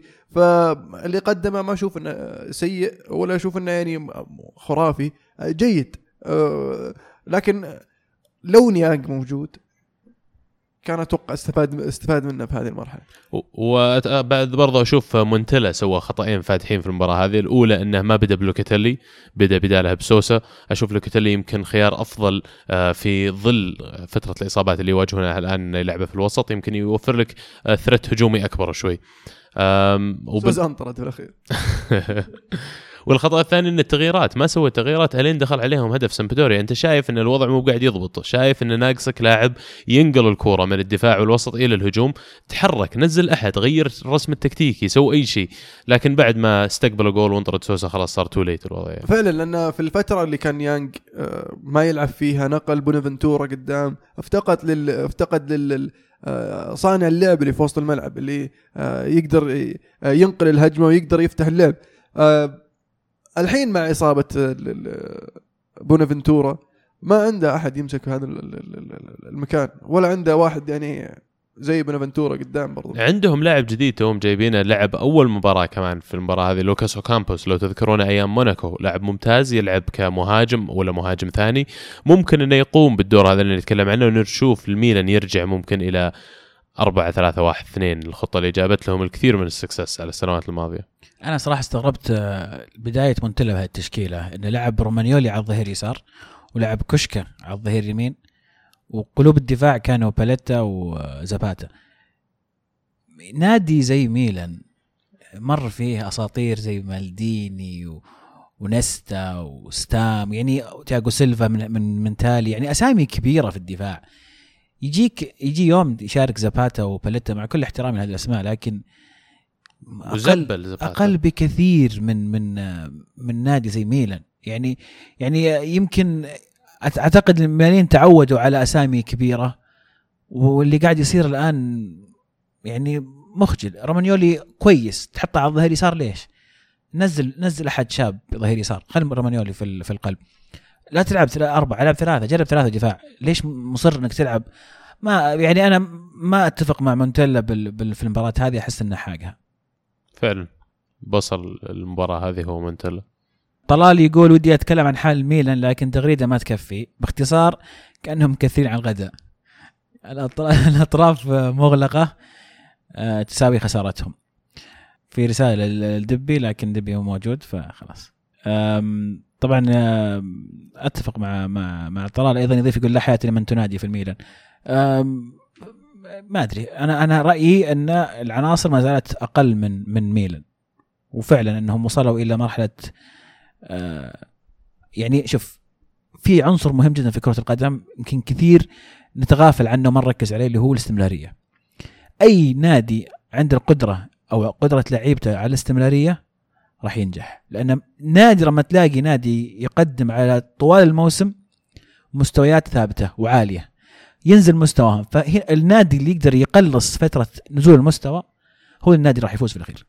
أنا أشوف إن ال- ال- ال- الميلان يعني اللي انكبه الإدارة. لأن من بداية الموسم هم يقولون راح تخلص موضوع الانتقال ال- ال- الملاك الجدد. على أساس إنه لما يجي يناير يصير يقدرون يدعمون. على أساس إنه لما آه، يتجي الفترة هذه يصيرون الحين حالهم أفضل لأنه عندهم لعيبة جداد لعيبة بكفاءة أكبر. آه، لكن آه، ما صار شيء حتى الآن. حتى كاسيرس لاعب ما عنده فريق. ما قدروا يوقعون معه عشان مو مو بعاجبه الراتب اللي معطينه إياه. فيعني وش تبي وش تبي أكثر من كذا؟ فأنا أشوف إن إدارة ال- ال- ال- الفريق اللي هي اللي قاعدة تجيب لعيبة الفريق يعني حتى لما الفريق يتحسن الإدارة ترجع ورا شوي. فأشوف إنه المفروض إنه ينطرون المنديل خلاص يا أخي سهل من الموضوع. ولا؟ هل المشكلة متوقع من برلسكوني ولا؟ يعني قاعد يأخر الصفقة؟ ما عندي تفاصيل الآن ليش ليش ليش الصفقة الآن تأخرت. أنا هذه المشكلة إني ماني عارف ليش إلى الآن ما تمت أو الفلوس ما انتقلت. قد يكون برسكون له دور ما أستبعد ابدا ابدا. ما راح أكون متفاجئ. قد يكون بداية من الصيف الجاي. الصيف اللي راح قال ما خلصها بدايه الموسم الصيف بدينا نشتري. لا ما خلاص قبل قبل ينتصف النصف الأول من الموسم. قبل ما يجي January أبد في January. خلص January هم ما بسوي شيء. ديربي دي إيطاليا اليوفي يفوز 1-0 على إنتر ميلان. مبروك الفوز. الله يبارك فيك. مبروك ثلاث نقاط. الله يبارك فيك بس شكراً. لسه تونا ما أدري على الدوري. لا يا رجل خلاص. لا لا نابولي جاي. رجل. سبعة وكذا. بعد بكرة كروتوني نخلي سبع نقاط فرق وننهي السالفة. تلقى أي، مباراة مؤجلة هي نلعبها بعد بكرة. يوم الأربعاء. يوم الأربعاء إن شاء الله. بصراحة شوف المباراة كانت ممتعة. أنا استمتعت فيها كنت أشوف النهائي امم أفريقيا. خلص الشوط الأول حولت على ال- ال- الديربي ما عرفت أغير بصراحة. ال- المباراة حركة سريعة كان فيها فرص من الطرفين فرصة للإنتر فرصة لليوفي فرصة لليوفي فرصة للإنتر. آه، مباراة أبدع فيها برضو الحراس يعني بوفون وسمير. ال- آه، اليوفي باربعه دفاع يا أخي آه، مختلف بالنسبة لي. أشوف إنه صار آه، متزن أكثر من من ال- العادة. ولا؟ الخطة الجديدة أنا مرة عجبتني. وهذه أول مباراة يكون فيها يعني تحس إن اختبار فعلا حقيقي. يعني يمكن مباراة ميلان الكاس كانت أقل في المستوى. ما أدري كان ميلان مستوى نازل ولا ما كانوا بنفس الحماس. لكن هذه المباراة اللي فعلا كانت مقياس لهذه الخطة. وأشوف أنها يعني قد تكون تغير جذري في مسيرة اليوفي الموسم هذا. 4 2 2 2 4 2 3 1 4 2 3 1 أم، أيضا متوفر بدائل في في الدكة. يعني عندك بياتسا لسه في الدكة عندك ماركيزيو لسه تو راجع. فايضا في عندك خيارات. فأنا الخطة هذه عجبتني وأتوقع إنه يعني أتمنى يست... ما أتوقع راح يرجع 3 5 2 هذا شيء متأكد يعني شيء متأكد منه لكن أخاف يرجع مثلا ل 4 3 3 ولا 4 3 2 1 4 3 1 2 هذا اللي- 4 3 1 2 ممكن. آه، أتمنى يستمر على هذه أتمنى يستمر على هذه لأنها يعني الدور اللي يقوم فيه مانزوكيتش. يعني لو تجيبون. خميس وتحط ديبالا على اليسار إيه. أتوقع خلاص. ممكن. يصير الأربعة اللي قدام لاتينيين يجلدون. بس مانزوكيتش ترى اللي يسويه مانزوكيتش يعني ما حد يقدر يسوي أنا عارف ما حد هذا هذه شيء أنا شيء غريب أنا قاعد أشوف شيء غريب مرة. شيء يعني عمري ما تخيلت أشوفه في لاعب رأس حربة يسوي كذا. يعني أكيد أتوقع انه رأس حربة من النوع اللي يحضن على الم- المدافع لكن اللي يسويه مانزوكيتش يعني فاز طبعا جائزة أفضل لاعب في الشهر في يناير في, في اليوفي ويستاهل بكل جدارة لأنه يعني قاعد يلعب للفريق مو قاعد يلعب لنفسه. يعني مهاجم يقول لك يا أخي أنا راس حربة شو قعدني هنا؟ أبغى يغطي. أسجل أهداف إيه. أبغى أصير م- عقب المباراة يروح يدخل على تويتر ويكتب آه، فوز الفريق أهم من فوز أي لاعب وما هالكلام عرفت اللي يعني زي طز ما همني. فعلا في في بعض اللعيبة يا أخي ما دام إني ألعب أنا ما عندي مشكلة. إيه. حطني في الملعب وين ما تبي وراح احرث لك. إيه. ففعلا شيء كويس. لكن آه، المباراة الشوط الأول كانت آه، من الطرفين كانت رايح جاي هجمة هنا هجمة هنا. الإنتر كان خطير جدا وكان قريب جدا من التسجيل. آه، لكن آه، في رأيي أن آه، توفق توفق اليوفي بالهدف لأن برضه اليوفي كان عنده فرصتين من ديبالا في واحدة في العارضه واحدة تصدى لها سمير. الهدف كان قاتل في وقت صعب جدا لأن قبل نهاية انه الشوط الأول فتدخل تدخل بين الشوطين وانت فكنت حاسس إنك متعادل فجأة تطلع خسران. الشوط الثاني تغير الموضوع الانتر نزل مستواه كثير. اليوفي دفاعيا قفل. إيكاردي ما شفناه أبد. كاردي والله صاكين عليه يجلدونه عليه من الشوط إيه، الأول. أنا ف- كنت بصراحة متوقع إن إيكاردي يجيب ال ال ال الواحد هذا. أنا حاط إيه. النتيجة واحد واحد. آه. يعني إيكاردي بالتخصص بيسجل ضد اليوفي. عرفت؟ بس والله من, من بدت المباراة هم يطقونه. والله في في صورة شو اسمه ليشتشتاينر ماسكه كذا مع رقبته وحاط. شفت الصورة. آه، فعلا دفاع اليوفي كان. شوف كيليني في المباريات الكبيرة ما ما في أحد زيه. إذا جت مباراة كبيرة وفي مهاجم هداف وقلت له راح مسكه خلاص انسى الموضوع. يعني أتذكر إبرة كل ما يلعب ضدنا إبرة ما يسجل عنه ما يسجل أبد لأن كليني يوقف معه. ينشب له. ينشب له. كليني مباريات كبيرة خذ رجال. فدفاع اليوفي كان رائع. سمير همدانوفيتش كان أفضل لاعب من ناحية الإنتر في وجهة نظري. الإنتر آه، جيد جدا. ولو يستمر زي كذا راح يخطف أحد مقاعد Champions League بكل تأكيد أتوقع ياخذ الثالث. لكن نرجع ونقول الاستمرارية. ال- ال- عادة لما فرق تخسر من اليوفي زي كذا مباراه كبيرة ينزل مستواهم. شفناها صارت مع ميلان من قبل. آه، الإنتر لو استمر على مستوياته الممتازه اللي قدمها آخر سبع مباريات راح يخطف مركز ثالث من من من روما في توقعي. مبروك عودة داني. الله فيك. التغيير أنا ما عجبني ابدا لأن ما أدري ليش غير آه، صراحة ليش دخل داني؟ يبغى يبغى يعني يرجع نبغى واحد يدافع. داني في دفاعيا أنا ما ما أرتاح صراحة لما أشوفه بس يدافع. خل تخلي نهاية المباراة كم؟ آخر 10 دقائق خمس دقائق. اي اي طيب يبغى مهم. اللاعب بس إنه يتعود على ال- ال- المباريات ويرجع للحس ال- ال- ال- الكورة ولمسه الكورة وفي مباراة كبيرة زي كذا. طيب مباراة كروتوني مو لازم Champions League جاي فتحتاج أنت آه، لعيبتك جاهزين يعني. هذا التغيير اللي وترني لأن ليشتشتاينر كان مقفل دفاعيا صح. وأنا أثق في ليشتشتاينر دفاعيا أكثر من داني ألفيز. داني ألفيز okay خذ رجال هجوميا لكن دفاعيا مو بمرة يريحني. بالذات إنه جسمانيا ما هو قوي زي ليشتشتاينر فحتى الشتاينر وهو طالع قام يتكلم وزي زعلان من التغيير. هل هل ممكن نشوف إنه يوم يدب ظهيرين يمين ليشتشتاينر وداني ممكن. البس أي ويحط لك آه، شو إيه. اسمه كوادرادو على اليسار وراه أوف وراه ساندرو. لا كوادرادو لا لازم يمين. الظاهر ما يعرف يلعب إلا يمين. لا لا صدقني صدقني بيزبط. ممكن. راح يزبط. طيب هدف كوادرادو يا عيال. هدف كوادرادو والله هدف زاحف صراحة. تسديدة. تسديد. لا لا شوف بصراحه آه، له كانت محاولة في بداية الشوط الأول. اللي سدد تسديده كذا عرفت؟ اللي قلت وينك كوادرادو كنت لاعب كويس يعني بس هذه يبي لها واحد زي خميس يبي لها واحد زي. عرفت؟ وقعدت أسمي لعيبة عرفت؟ اللي كذا. لا جاب له واحد كولومبي بعد خميس. اي يعني بس يعني لسه يعني يبي لك شوية كوادرادو توصل المرحله دي ثم جاك الهدف. أوه أنا قلت صراحة أرفع لك القبعة. يا ساتر والله هدف لكن آه، مباراة جميلة سعيد جدا فوز اليوفي سعيد أكثر بأن هرنانديز يقولون بيروح الصين.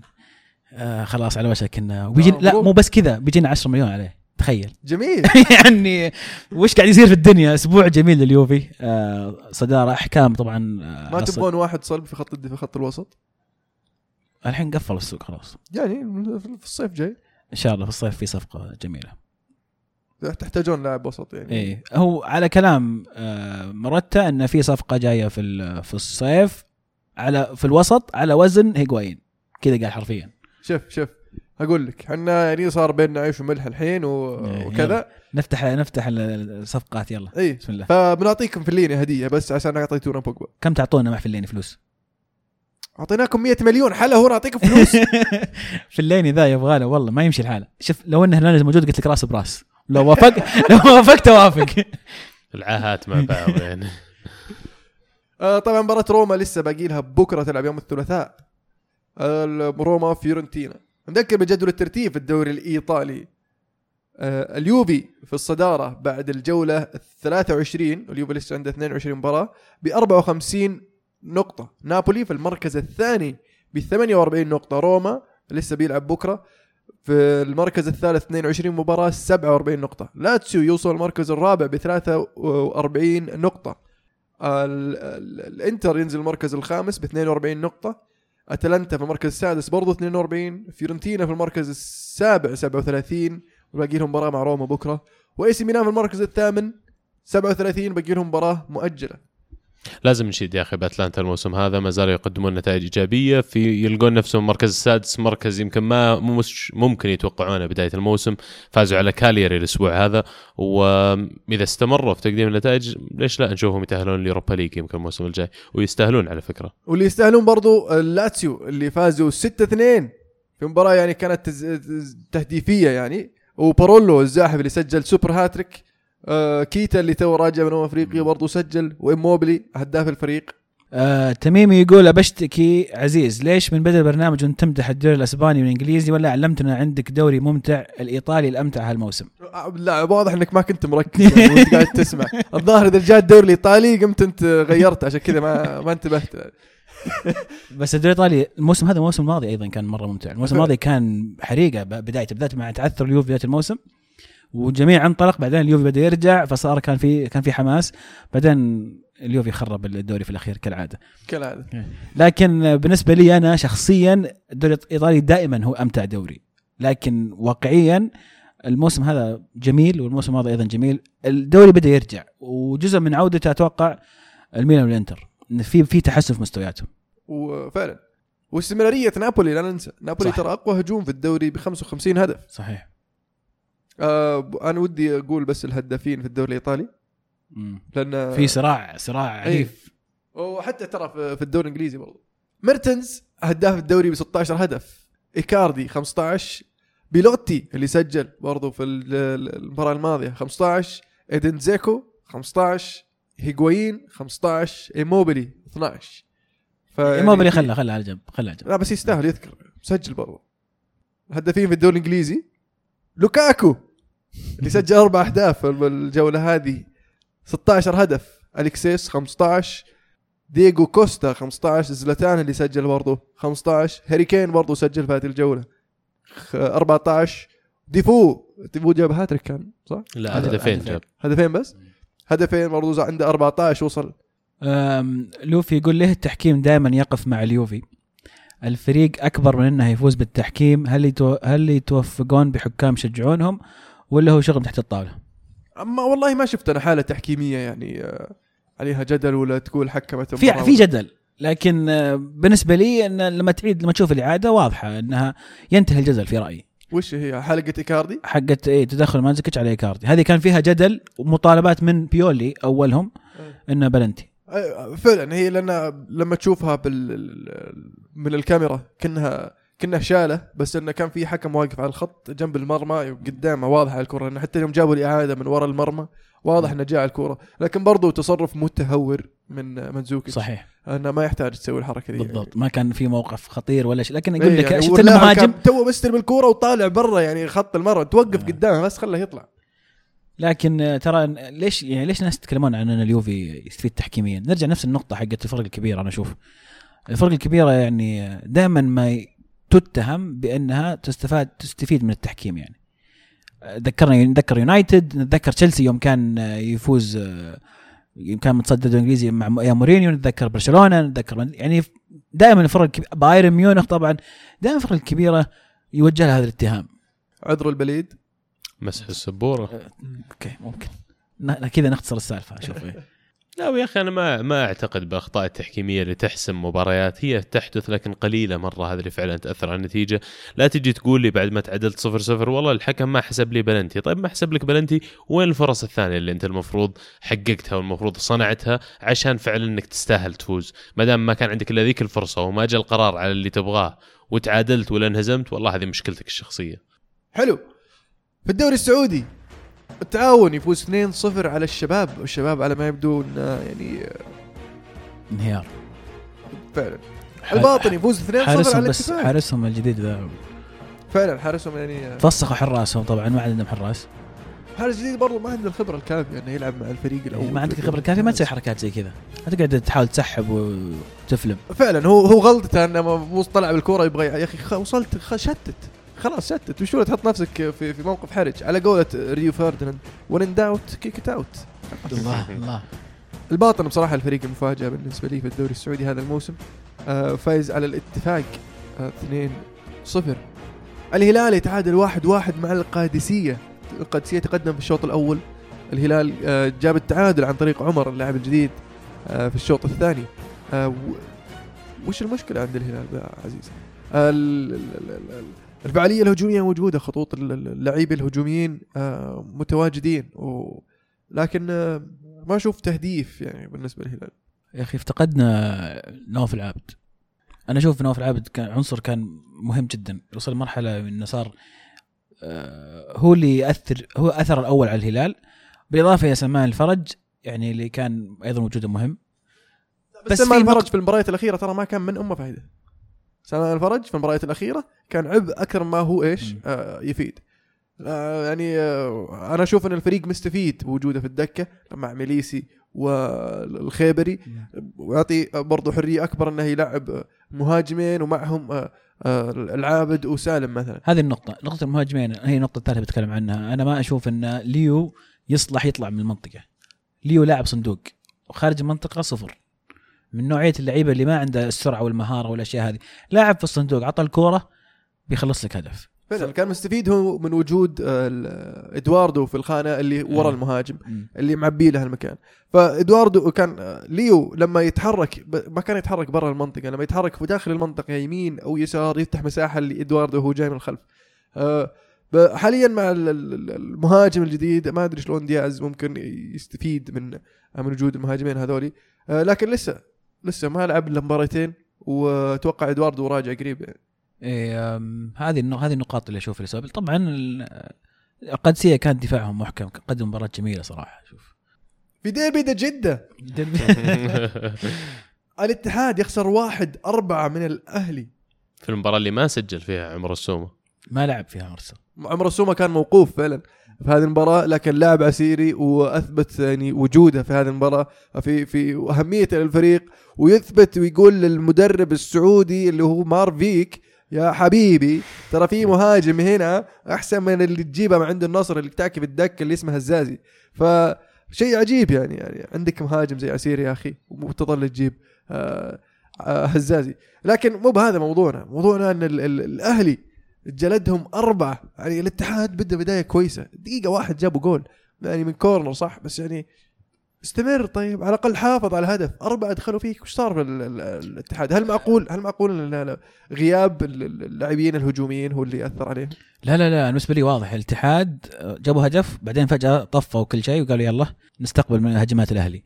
آه، خط الدفاع الاتحاد آه، عسيري والنخلي أنا ما أشوف إنهم في مستوى انهم يكون مدافعين اساسيين في, في الاتحاد. آه، الأظهرة أيضا لك عليهم شوي عدنان فلاتة جيد لكن آه، المنظومة الدفاعية بشكل عام سيئة. الحارس العامري مصيبة. أنا أشوف أنه سبب هدفين. قلة خبرته آم، سبب رئيسي في في الأهداف بالذات إن لما تجيك كورة ترجعها بتخلصها على اليمين أو على اليسار كحارس ما ترجعها في الوجه. وأيضا الدفاع ما يتحرك المفروض يتحرك الدفاع ويكون أسرع من المهاجم. نشوف الهدف الهدف مهند عسيري. آه، شوطه من بعيد رجعها الحارس إلى عند يعني إلى إلى منطقته نفسها ما وداها يمين يسار. وأول واحد جاها مين؟ مهند عسيري. وين المدافعين؟ وين التخليص؟ ودها يمين ودها يسار. شفنا هجمة برضو العسيري آه، كانت آه، ممكن تصير كارثية لأن الحارس ما أدري وش سوى وطلع اللي قلبها مؤشر. آه وراح آه اي عسيري اللي راح أخذ الكورة ولف صح. وبغى يجيب هدف بس ما. دخلت. آه، مؤشر قلب قلب الدفاع تقليب وعطى واحدة المهند عسيري قدام المرمى برضو ضيعها. آه، عبد الفتاح عسيري اللي جاب الهدف الثالث. قلب شوف كيف قلب الدفاع. آه، وين أيام تكر أيام أحمد جميل خليوي الله يرحمه. يعني في لعيبة رائعين كانوا في الاتحاد. الحين ما منتشري. منتشري. آه، النخلي وعسيري ثنائي سيء جدا. خيارات أيضا المدرب كانت غريبة. تأخر في التبديلات. الأنصاري ما كان في يومه بس بالاتحاد كان كان سيء المفروض يطلع من بدري وينزل باجندوح من من وقت أبكر.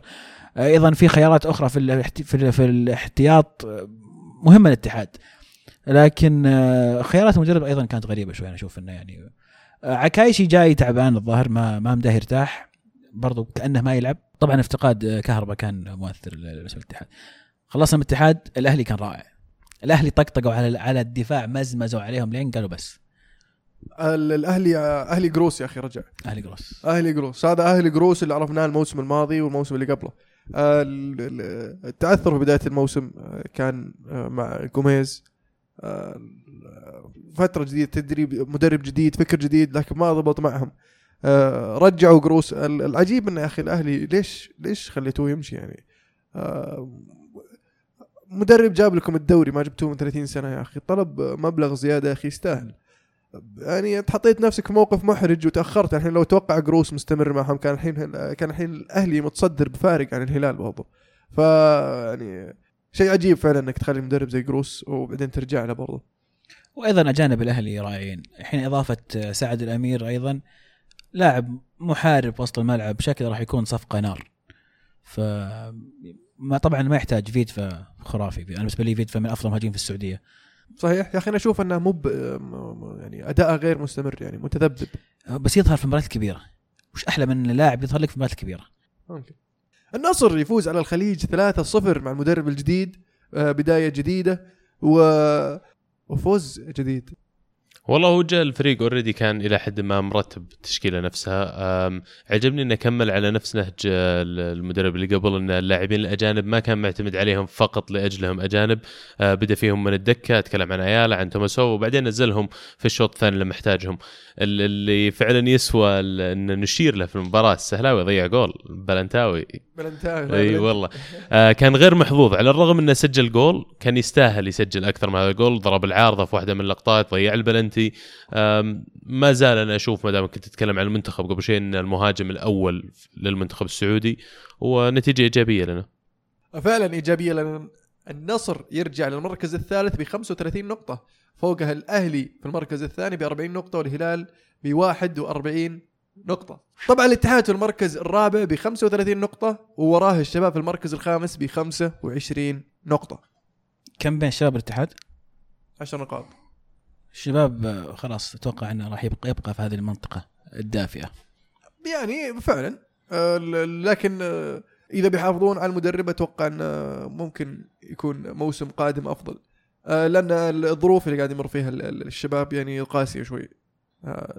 من اللعيبة اللي والظروف الماليه المادية اللي قاعد يمر فيها النادي. نوصل فقرة حول العالم.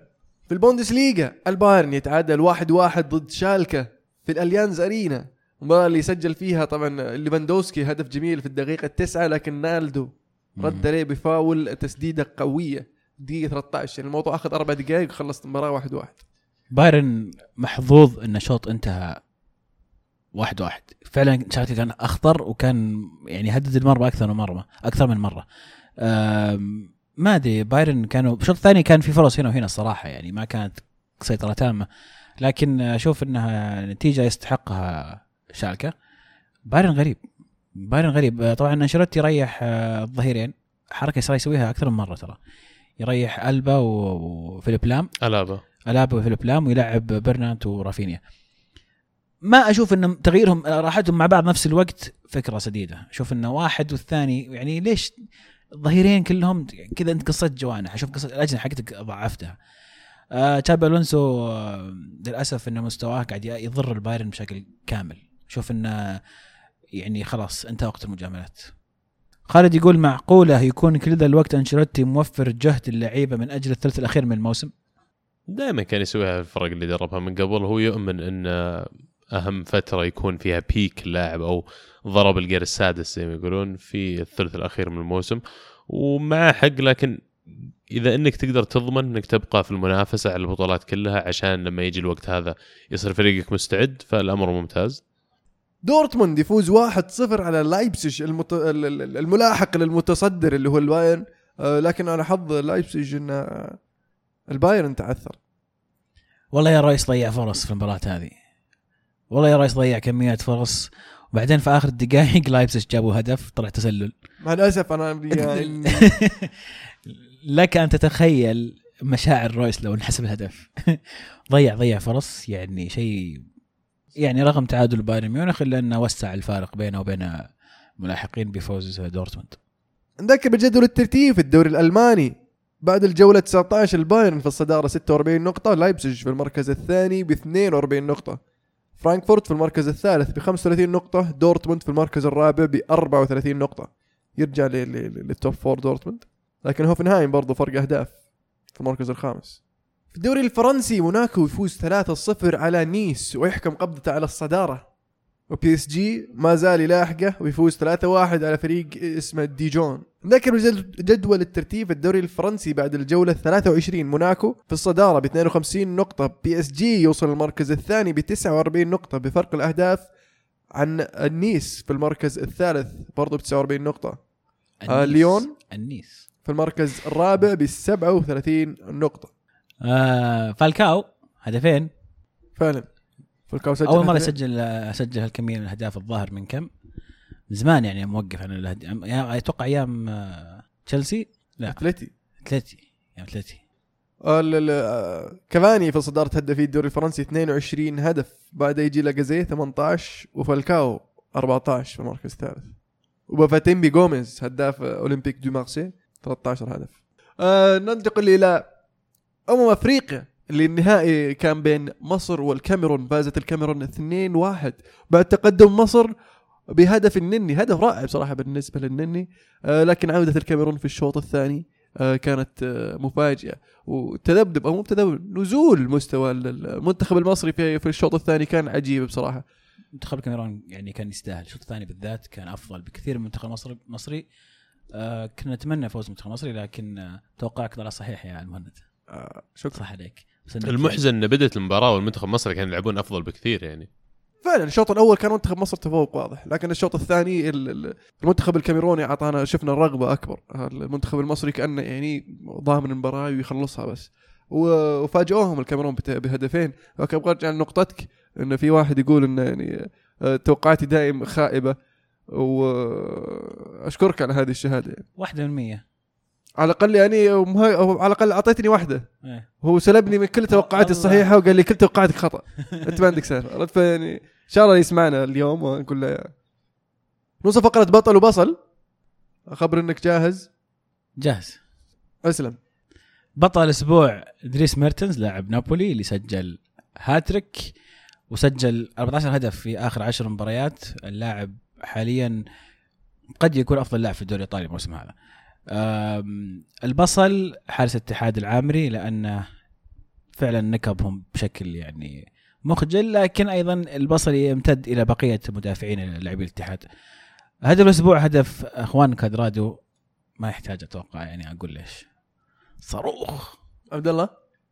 بطل الأسبوع روميلو لوكاكو على الأربع أهداف اللي سجلها وال assist في مباراتهم أمام بورنموث بورنموث آه وبصل الأسبوع لقطة حقت روس باركلي اللي بدأ يحتفل فيها قبل ما يسجل الجول. أنا ما أحب لما لاعب يسوي زي كذا يستخف بالفريق اللي ضده. لا لا لا أنا بالنسبة لي هذه لقطة الأسبوع. بغيت اعطيه بطل على الحركة تدري؟ والله ما أدري يعني سجل جول أول كان ودي إنه ضيعها ثم كان شفنا كيف نتكلم. عشان تعطيه بصل لما إيه. يضيع بس ما دام إنه سجلها خلاص يعني. إذا الحركة خطأ ما أنتظر يضيعها عشان أسوي يا بصل أخي دائما يا أخي نفسي أنا أسويها الحركة يعني أحتفل مو وأنا الكوره في يدي اللي أشوت الكوره وأروح أحتفل لو ما شفتها تدخل لسه. لا بس هذا هذا هذا- قبل يشوت. قبل يشوت قام يرفع يعني حركته. حركته زاحفه صراحة أنا أشوف يستاهل عليها بطل. والهدف؟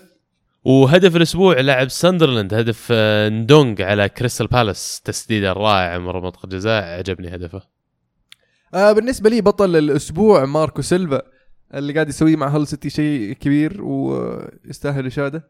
آه هدف الأسبوع بالنسبة لي السبعة كلهم حقين نابولي. ف اختار لك واحد. اختار أنت واحد. أنا أختارهم كلهم. مع بعض. هدف أسبوع اسمه مو بسبع أهداف أسبوع. طيب يا أخي آه، هامسك حق هامسك. معلش حق هامسك. أي واحد. الثلاثة كلهم خاليين. اللي سكر فيها الهاتريك. يا أخي طب السباح R- R2 السباح اللي R2. كذا بال... قلت لك اختار واحد طيب. طيب يا أخي أنت تحطني في موقف محرج. خلاص سبعه وسلك لي إياها هذا المرة. هدف هدف مختاري أنا أشوف هدف مختاري يستاهل يكون. طيب على كذا ما دامك إنك رافض إني آخذ السبع أهداف فباخذ هدف أبو بكر اللي حسم مع أمم أفريقيا بالكاميرون. يستاهل بصراحه ال- كيف استلم الكورة ونقشها فوق واحد ثم سددها على والحضري يتفرج مع الأسف. هدف جميل. والمدافع اللي نقزها فوق بعد.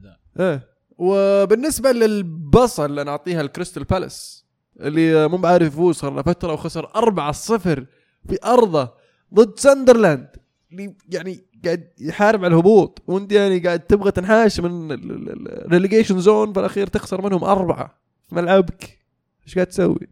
نوصل فقرة هاشتاج الحلقة أول شيء ودي أشكر أحمد اللي أرسل لنا معلومات عن تقنيات خط المرمى كانت جدا مفيدة آه، لها دخل بحديثنا الحلقة الماضية. آم، صالح يقول أعطونا أفضل خمس مهاجمين في الدوري السعودي آخر خمس سنوات. أعطونا ترتيب كلهم سعوديين وترتيب ثاني يجمع السعوديين والأجانب. سؤال صعب جدا بصراحة. آخر خمس سنوات؟ ليتك مكبر شوي لأن آخر خمس سنوات عندنا قحط في المهاجمين للأسف في السعودية. فعلا. بس يعني من أفضل المهاجمين كان فيكتور سيموس. كان برضو عندك آه، آه، السوما عندك برضو آه، لاعب ال- الاتحاد الموسم الماضي ريفاس اللي ما أدري شلون خلوه يمشي وإذا خمس سنوات أقدر أقول هزازي بعد نايف هزازي النظرة الآن اللي المو أعطاها ل- لعبد الله إيش قاعد تقول أنت؟ إيش قاعد إيه تقول؟ آخر خمس سنوات يا أخي إيش آخر خمس سنوات؟ متى صار صار مهاجم مهاجم زين ذا؟ متى لا، متى لا، صار يعرف يهاجم؟ ظلم، وش. اللي حرام ظلم ظلم ظلم ظلم إيش قاعد تقول؟ مهاجم؟ كبير وأنا هذه وجهة نظري كبير؟ مع وين؟ وجهه نظري كبير؟ معي مدرب المنتخب السعودي فان. مارفيك يعني فارجوك لا تهاجم وجهة نظري ناصر الشمراني أنا- والسهلاوي آه، بالنسبة للسعوديين هذول الاثنين اللي أشوفهم ما يجي على بالي أحد غيرهم صراحة كمهاجم ممتاز المنتخب السعودي في أحد غير ناصر والسهلاوي بصراحة بالنسبة للسعودي اللعيبه السعوديين إيه ما يعني إذا بنحسب إذا بنحسب آه، الشوط الثاني اللي- بالنسبة لكل لكل مباراة لعبها الراهب كمباراة كاملة لا خليه خليه واحد وغير كذا ما تشوف أحد ما وصلنا خمسة طيب ما عندنا مهاجمين إحنا قال لك الفترة الماضية مهاجميننا تعبانين يعني لو إيه. وسع الفترة كان شملنا ناس مثل ياسر القحطاني كان شملنا ناس إيه. يمكن لو كمان أكثر شوي زي يمكن طلال المشعل على أواخره يمكن آخر أيام آخر المهاجمين الكويسين كان عندنا 2007 باشا مالك باشا. معاذ يسري الباشا. معاذ، إيه. آه. تحية صراحة للشخص هذا القادم اللي كل أسبوع يغير اسمه. عنده ما شاء الله عنده موهبة آه، إبداع في اختيار اسماء في التقطع والتكسر. أكسجيني هو ليفربول. أتوقع هذا هذا أحسن اسم من من آخر أسبوعين. هل تشوفون أن ظلم كوتينيو لم يترشح لجائزة أفضل لاعب في العالم علشانه فقط مع الفريق العريق فخر إنجلترا الزعيم ليفربول؟ أتوقع إي أتفق معك.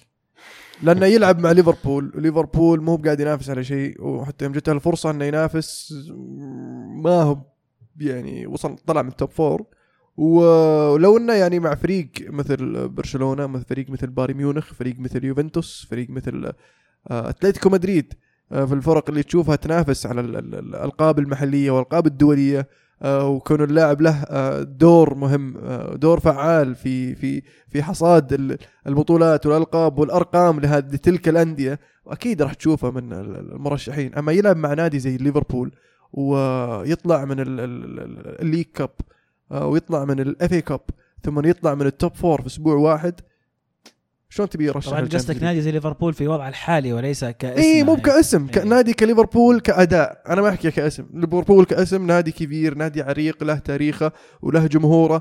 حلو. آه جون أرسنال يقول من هو أفضل من هم أفضل خمس لاعبين في موقع رقم عشرة بعد أوزيل بالنسبة لكم؟ والله واضح جماهير ال Premier League متحيزه تحيز مو طبيعي يعني. شوف أنا بالنسبة لي شخصيا أوزيل أفضل يعني أو من أفضل آه، اثنين أو رقم عشرة في العالم لاعبين. آه، أتفهم أن في غيري ممكن يختلفون وجهة النظر هذه لكن المركز هذا بدأ ينقرض في كرة القدم. ما عاد تشوف فرق كثير تلعب بالمركز هذا عشان تتيح المجال والفرصة للاعبين يلعبون فيه وفعلا يقدمون أنفسهم كلاعبين رقم عشرة.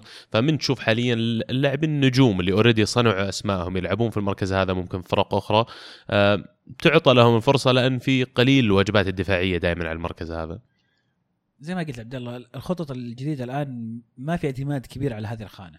وحتى لما مثلا نشوف مثلا البايرن ميونخ يلعب 4 2 3 1 الواحد هذا اللي المفروض يكون رقم 10 يلعب فيه مولر.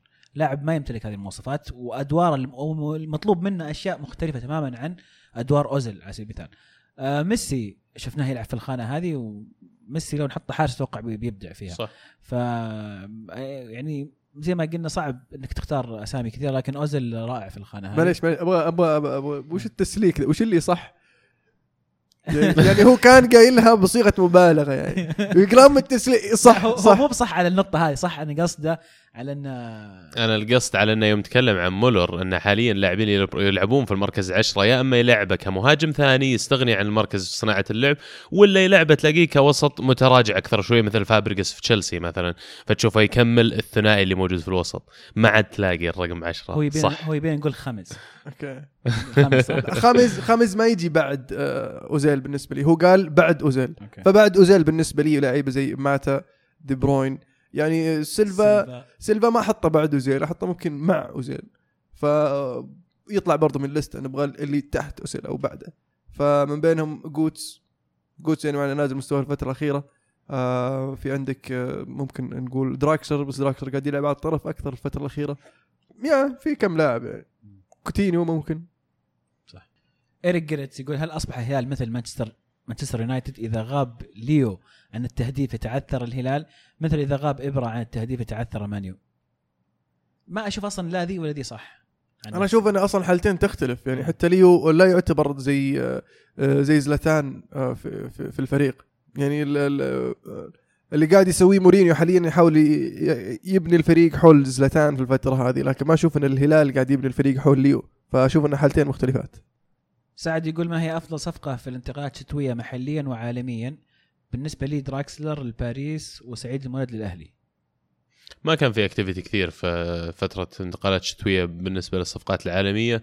بي اس جي هم اللي سووا يمكن صفقتين تسوى إنها تنذكر آه، جيديس البرتغالي ودراكسلر آه، أما محليا يعني أتفق معاه بعد إلى حد كبير. والله دراكسلر صفقة جميلة صراحة. في الشتاء ما تشوف عادة انتقالات زي كذا لكن صفقة رائعة فعلا دراكسلر. آه جيسوس نقدر نحسبها أيضا. تعتبرها انتقال شتوي؟ اي يعني ما انضم الا في الشتاء لأنه كان يلعب مع بالميراس أجل هو رقم واحد أتوقع. بس برضو بدري نحكم ولا؟ ترى توهم ما ما مداهم. والله السؤال الحين إيه. عرفت؟ السؤال جايك الحين أنت تجاوب بناء على المعطيات اللي موجودة في الحين الدوري السعودي أقدر أضيف آه، سعد الأمير آه، لاعب الأهلي. آه، الخريبين على ما يبدو إنه راح يكون صفقة موفقة آه إلتون أنا أضيف إلتون للقادسية. إيه.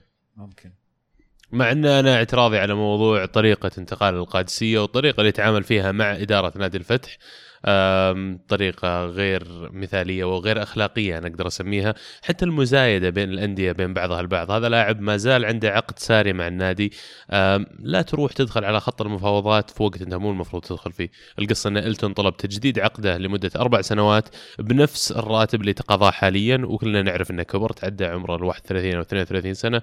فمن غير المعقول أنه يطلب الطلبات هذه لما رفض الفتح وطلب منه يكمل المتبقي من عقده آه، تغيب اللاعب ورفض وسافر وسحب قال أنا بروح القادسية عندي عرض من عندهم. محمد يقول من هم أفضل ثلاث مهاجمين سعوديين حاليا؟ أنا ما عندي ترتيب معين لكن لازم تحطون مهند عسيري بالترتيب. إيش رأيكم في مهند عسيري؟ أفضل. ثلاث مهاجمين حاليا؟ حاليا أفضل ثلاثة اللي هم من رأيي يعني السهلاوي آه، الشمراني وعسيري. يعني ما ما أشوف يعني في في مهاجمين غيرهم ما في حاليا. مهاجمين. البلد ما في مهاجمين يا عيال. هذا اللي يصير يا أخي لما تجيب كل نادي تسمح له بأربع لاعبين أجانب ويروح يجيب لاعبين أو ثلاثة في مركز الهجوم يلعبون هذا اللي بيحصل لك في الأخير. أنا دائما من أكبر المناهضين لعدد الأجانب يكون بالعدد الحالي حلو إن اللاعب المحلي يحتك مع الأجنبي ويستفيد منه يطور من مستواه لكن لما توصل مرحلة تقريبا 35 أو 40% من الفريق أجانب يعني كثير صار. عبد الله يقول مش أنت يا عبد الله واحد ثاني. كويس إنك وضحت. عبد الله يقول سؤالي بشكل واضح وأتمنى وأتمنى بدون أي مجاملات من عزيز. ما هو الأفضل بالنسبة لك قدوم هيغوايين ولا بق... ولا بقاء موراتا؟ ما أبي مجاملات. واضح انه حاسس إنك تجامل كثير. مشكلة إني دا أنا بالعكس أنا عمري ما أتوقع إني جاملت ابدا. لكن بكل أمانة هيغوايين. لأنه موراتا جيد كويس لكن ما كان يعطي اللي يعطيه هيغوايين الآن. هيغوايين قاعد يسجل تقريبا يعني في مباريات حاسمة مباريات مهمة موراتا كان يعني مباريات Champions League يظهر فيها أكثر من الدوري. أعتقد هيغوايين أكيد سعيد بالهيغوايين بغض النظر عن المبلغ. اي أتوقع خبرة هيغوين يعني ترجح كفته ولا؟ إيه خبرته وإنه هداف الدوري الموسم الماضي برقم خرافي. الباريسي يقول رأيكم في مشوار ليستر بالموسم؟ هل يستطيع تجاوز إشبيليا؟ وهل هو مهدد فعلا بالهبوط؟ وهل راح يستفيد كثير من رجوع رياض وإسلام؟ هي لا شك إنها واحدة من أسوأ فترات ليستر خلال 30 أو 35 سنة يقول لك في تاريخها خلينا نقول في مشاركاتها في ال Premier League. ولا يب- هدف ترى من بداية السنة ولا هدف. ويبدو إنهم فعلا من المرشحين للهبوط. ما زال وضعهم أفضل شوي من بعض الأندية الأخرى. فرق نقطة عن مركز الهبوط. هم 21 و- والثلاثة اللي تحت 19 19 20 فيعني وفي ثلاثة معهم برضو آه، مع ليستر عند ثلاث أندية مع ليستر عندهم 21 نقطة. العجيب في الموضوع بس يعني فرضيا ليستر يفوز بال Champions League ويهبط لل Championship وش يصير الموسم الجاي؟ يخلص الفيلم علق الشريط هل يستطيع تجاوز إشبيليا؟ أشك في ذلك حاليا لكن ليستر في ال Champions League الموسم هذا شفناه غير شفناه بنظرة مختلفة تماما.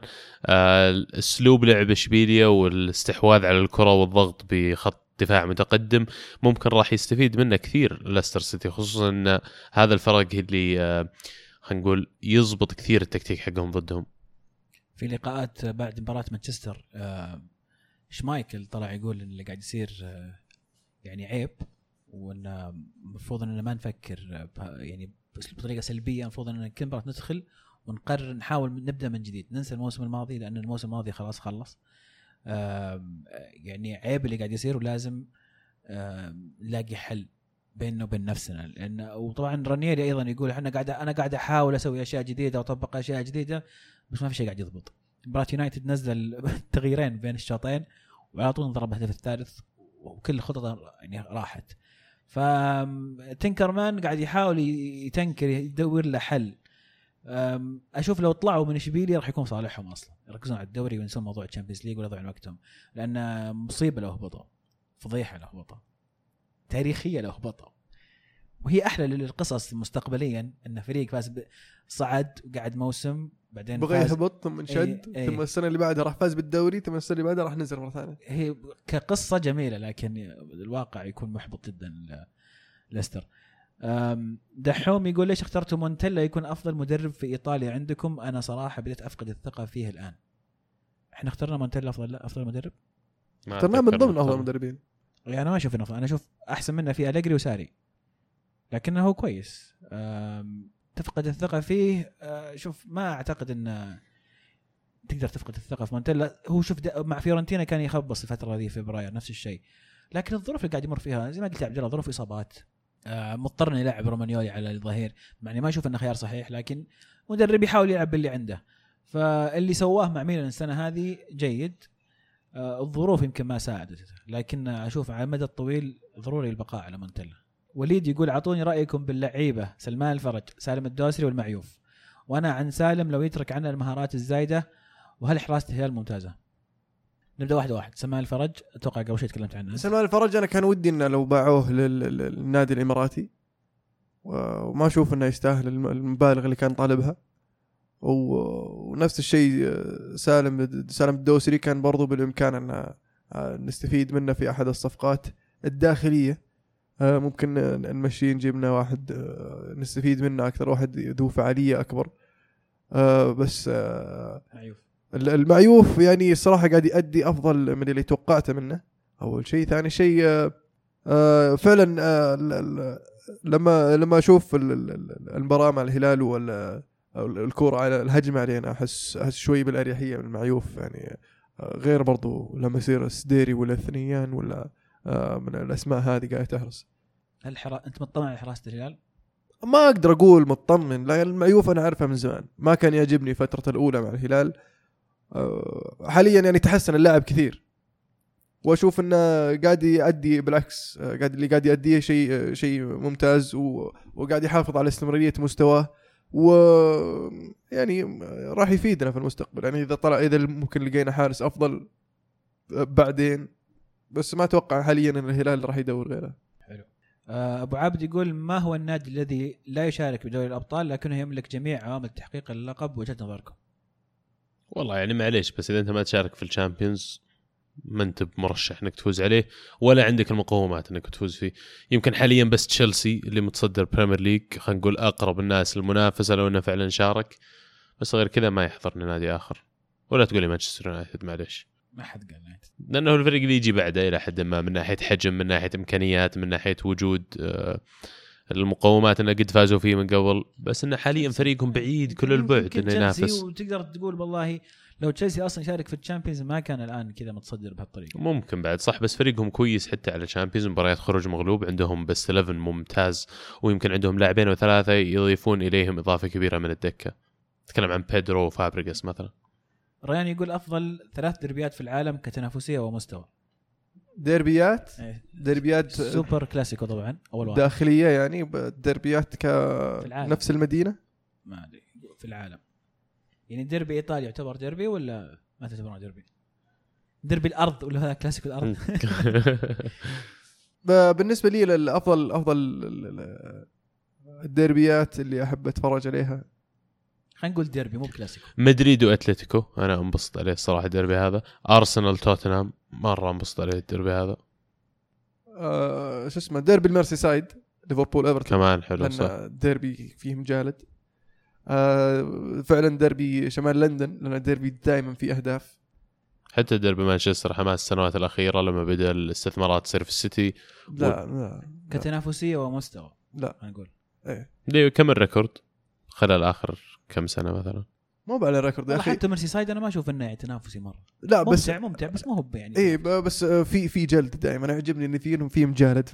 يعني الكرت الأحمر عادي ما تستغرب لو في كرت أحمر إنه في ملاعن في حلو الملعب يعني أجل جنوا سمبدوريا يمكن يكون محبب اليك جدا. وروم- بالعكس وروما استمتع وروما لاتسيو. روما لاتسيو أستمتع فيه. كويس. أنا أتفق معك. ف برضو ترى ترى الريال الريال الاتليتي برضو ترى فيه إيه صحيح. مج- مجالد لكن أيضا سيطرة مدريد تاريخيا وليس مؤخرا. اي بالفترة الأخيرة يعني عرف. لهم الاتليتي بس في- محليا. لكن بالنسبة لي يبقى ميلان وإنتر يمكن من أكبر الدربيات مجرد إن الفريقين آه، سيطرتهم محليا وعالميا وقوتهم محليا وعالميا الدربي الوحيد اللي يجمع فريقين فازوا بال Champions League. دوغما ساد يقول أحب أسلم عليكم وأقول عبد الله لا تكابر اعترف إن فينجر انتهى. ولا لا يا شباب؟ إلا أنا. معك. أنا من زمان وأنا اصوت أقول يعني إذا الأرسنال يبغى يفوز بالدوري لازم يطلع فينجر. وأتوقع عشان يطلع فينجر لازم يطلع أرسنال من ال top four عشان يعني يتح... تتحرك الإدارة وتقول له يا فينجر معليش مع السلامة. ما هو البلا في الإدارة يا أخي. على الكلام هذا. أنا مشكلتي مع الأبدية مع أرسنال أن الأهداف تختلف أو خلينا نقول منقسمين على الأهداف. في ناس أهدافهم كروية وهذا الصح في وجهة نظري. في ناس أهدافهم مادية بحتة. للأسف إن في جزء كبير من جمهور أرسنال تطبع بهذا ال- التوجه اللي هو المادي. دام إحنا كل سنة نشارك في ال Champions League دام كل سنة نوصل دور 16 مثلا ال Champions League وفي ال top four أنا كمشجع طز في الأشياء ذي. أنا أنا أشوف كورة عشان أشوف كورة عشان أستمتع أنا أتابع مباريات. أبغى أفوز. يا أخي حتى لو أشارك مثلا في أي بطولة أبغى أفوز فيها.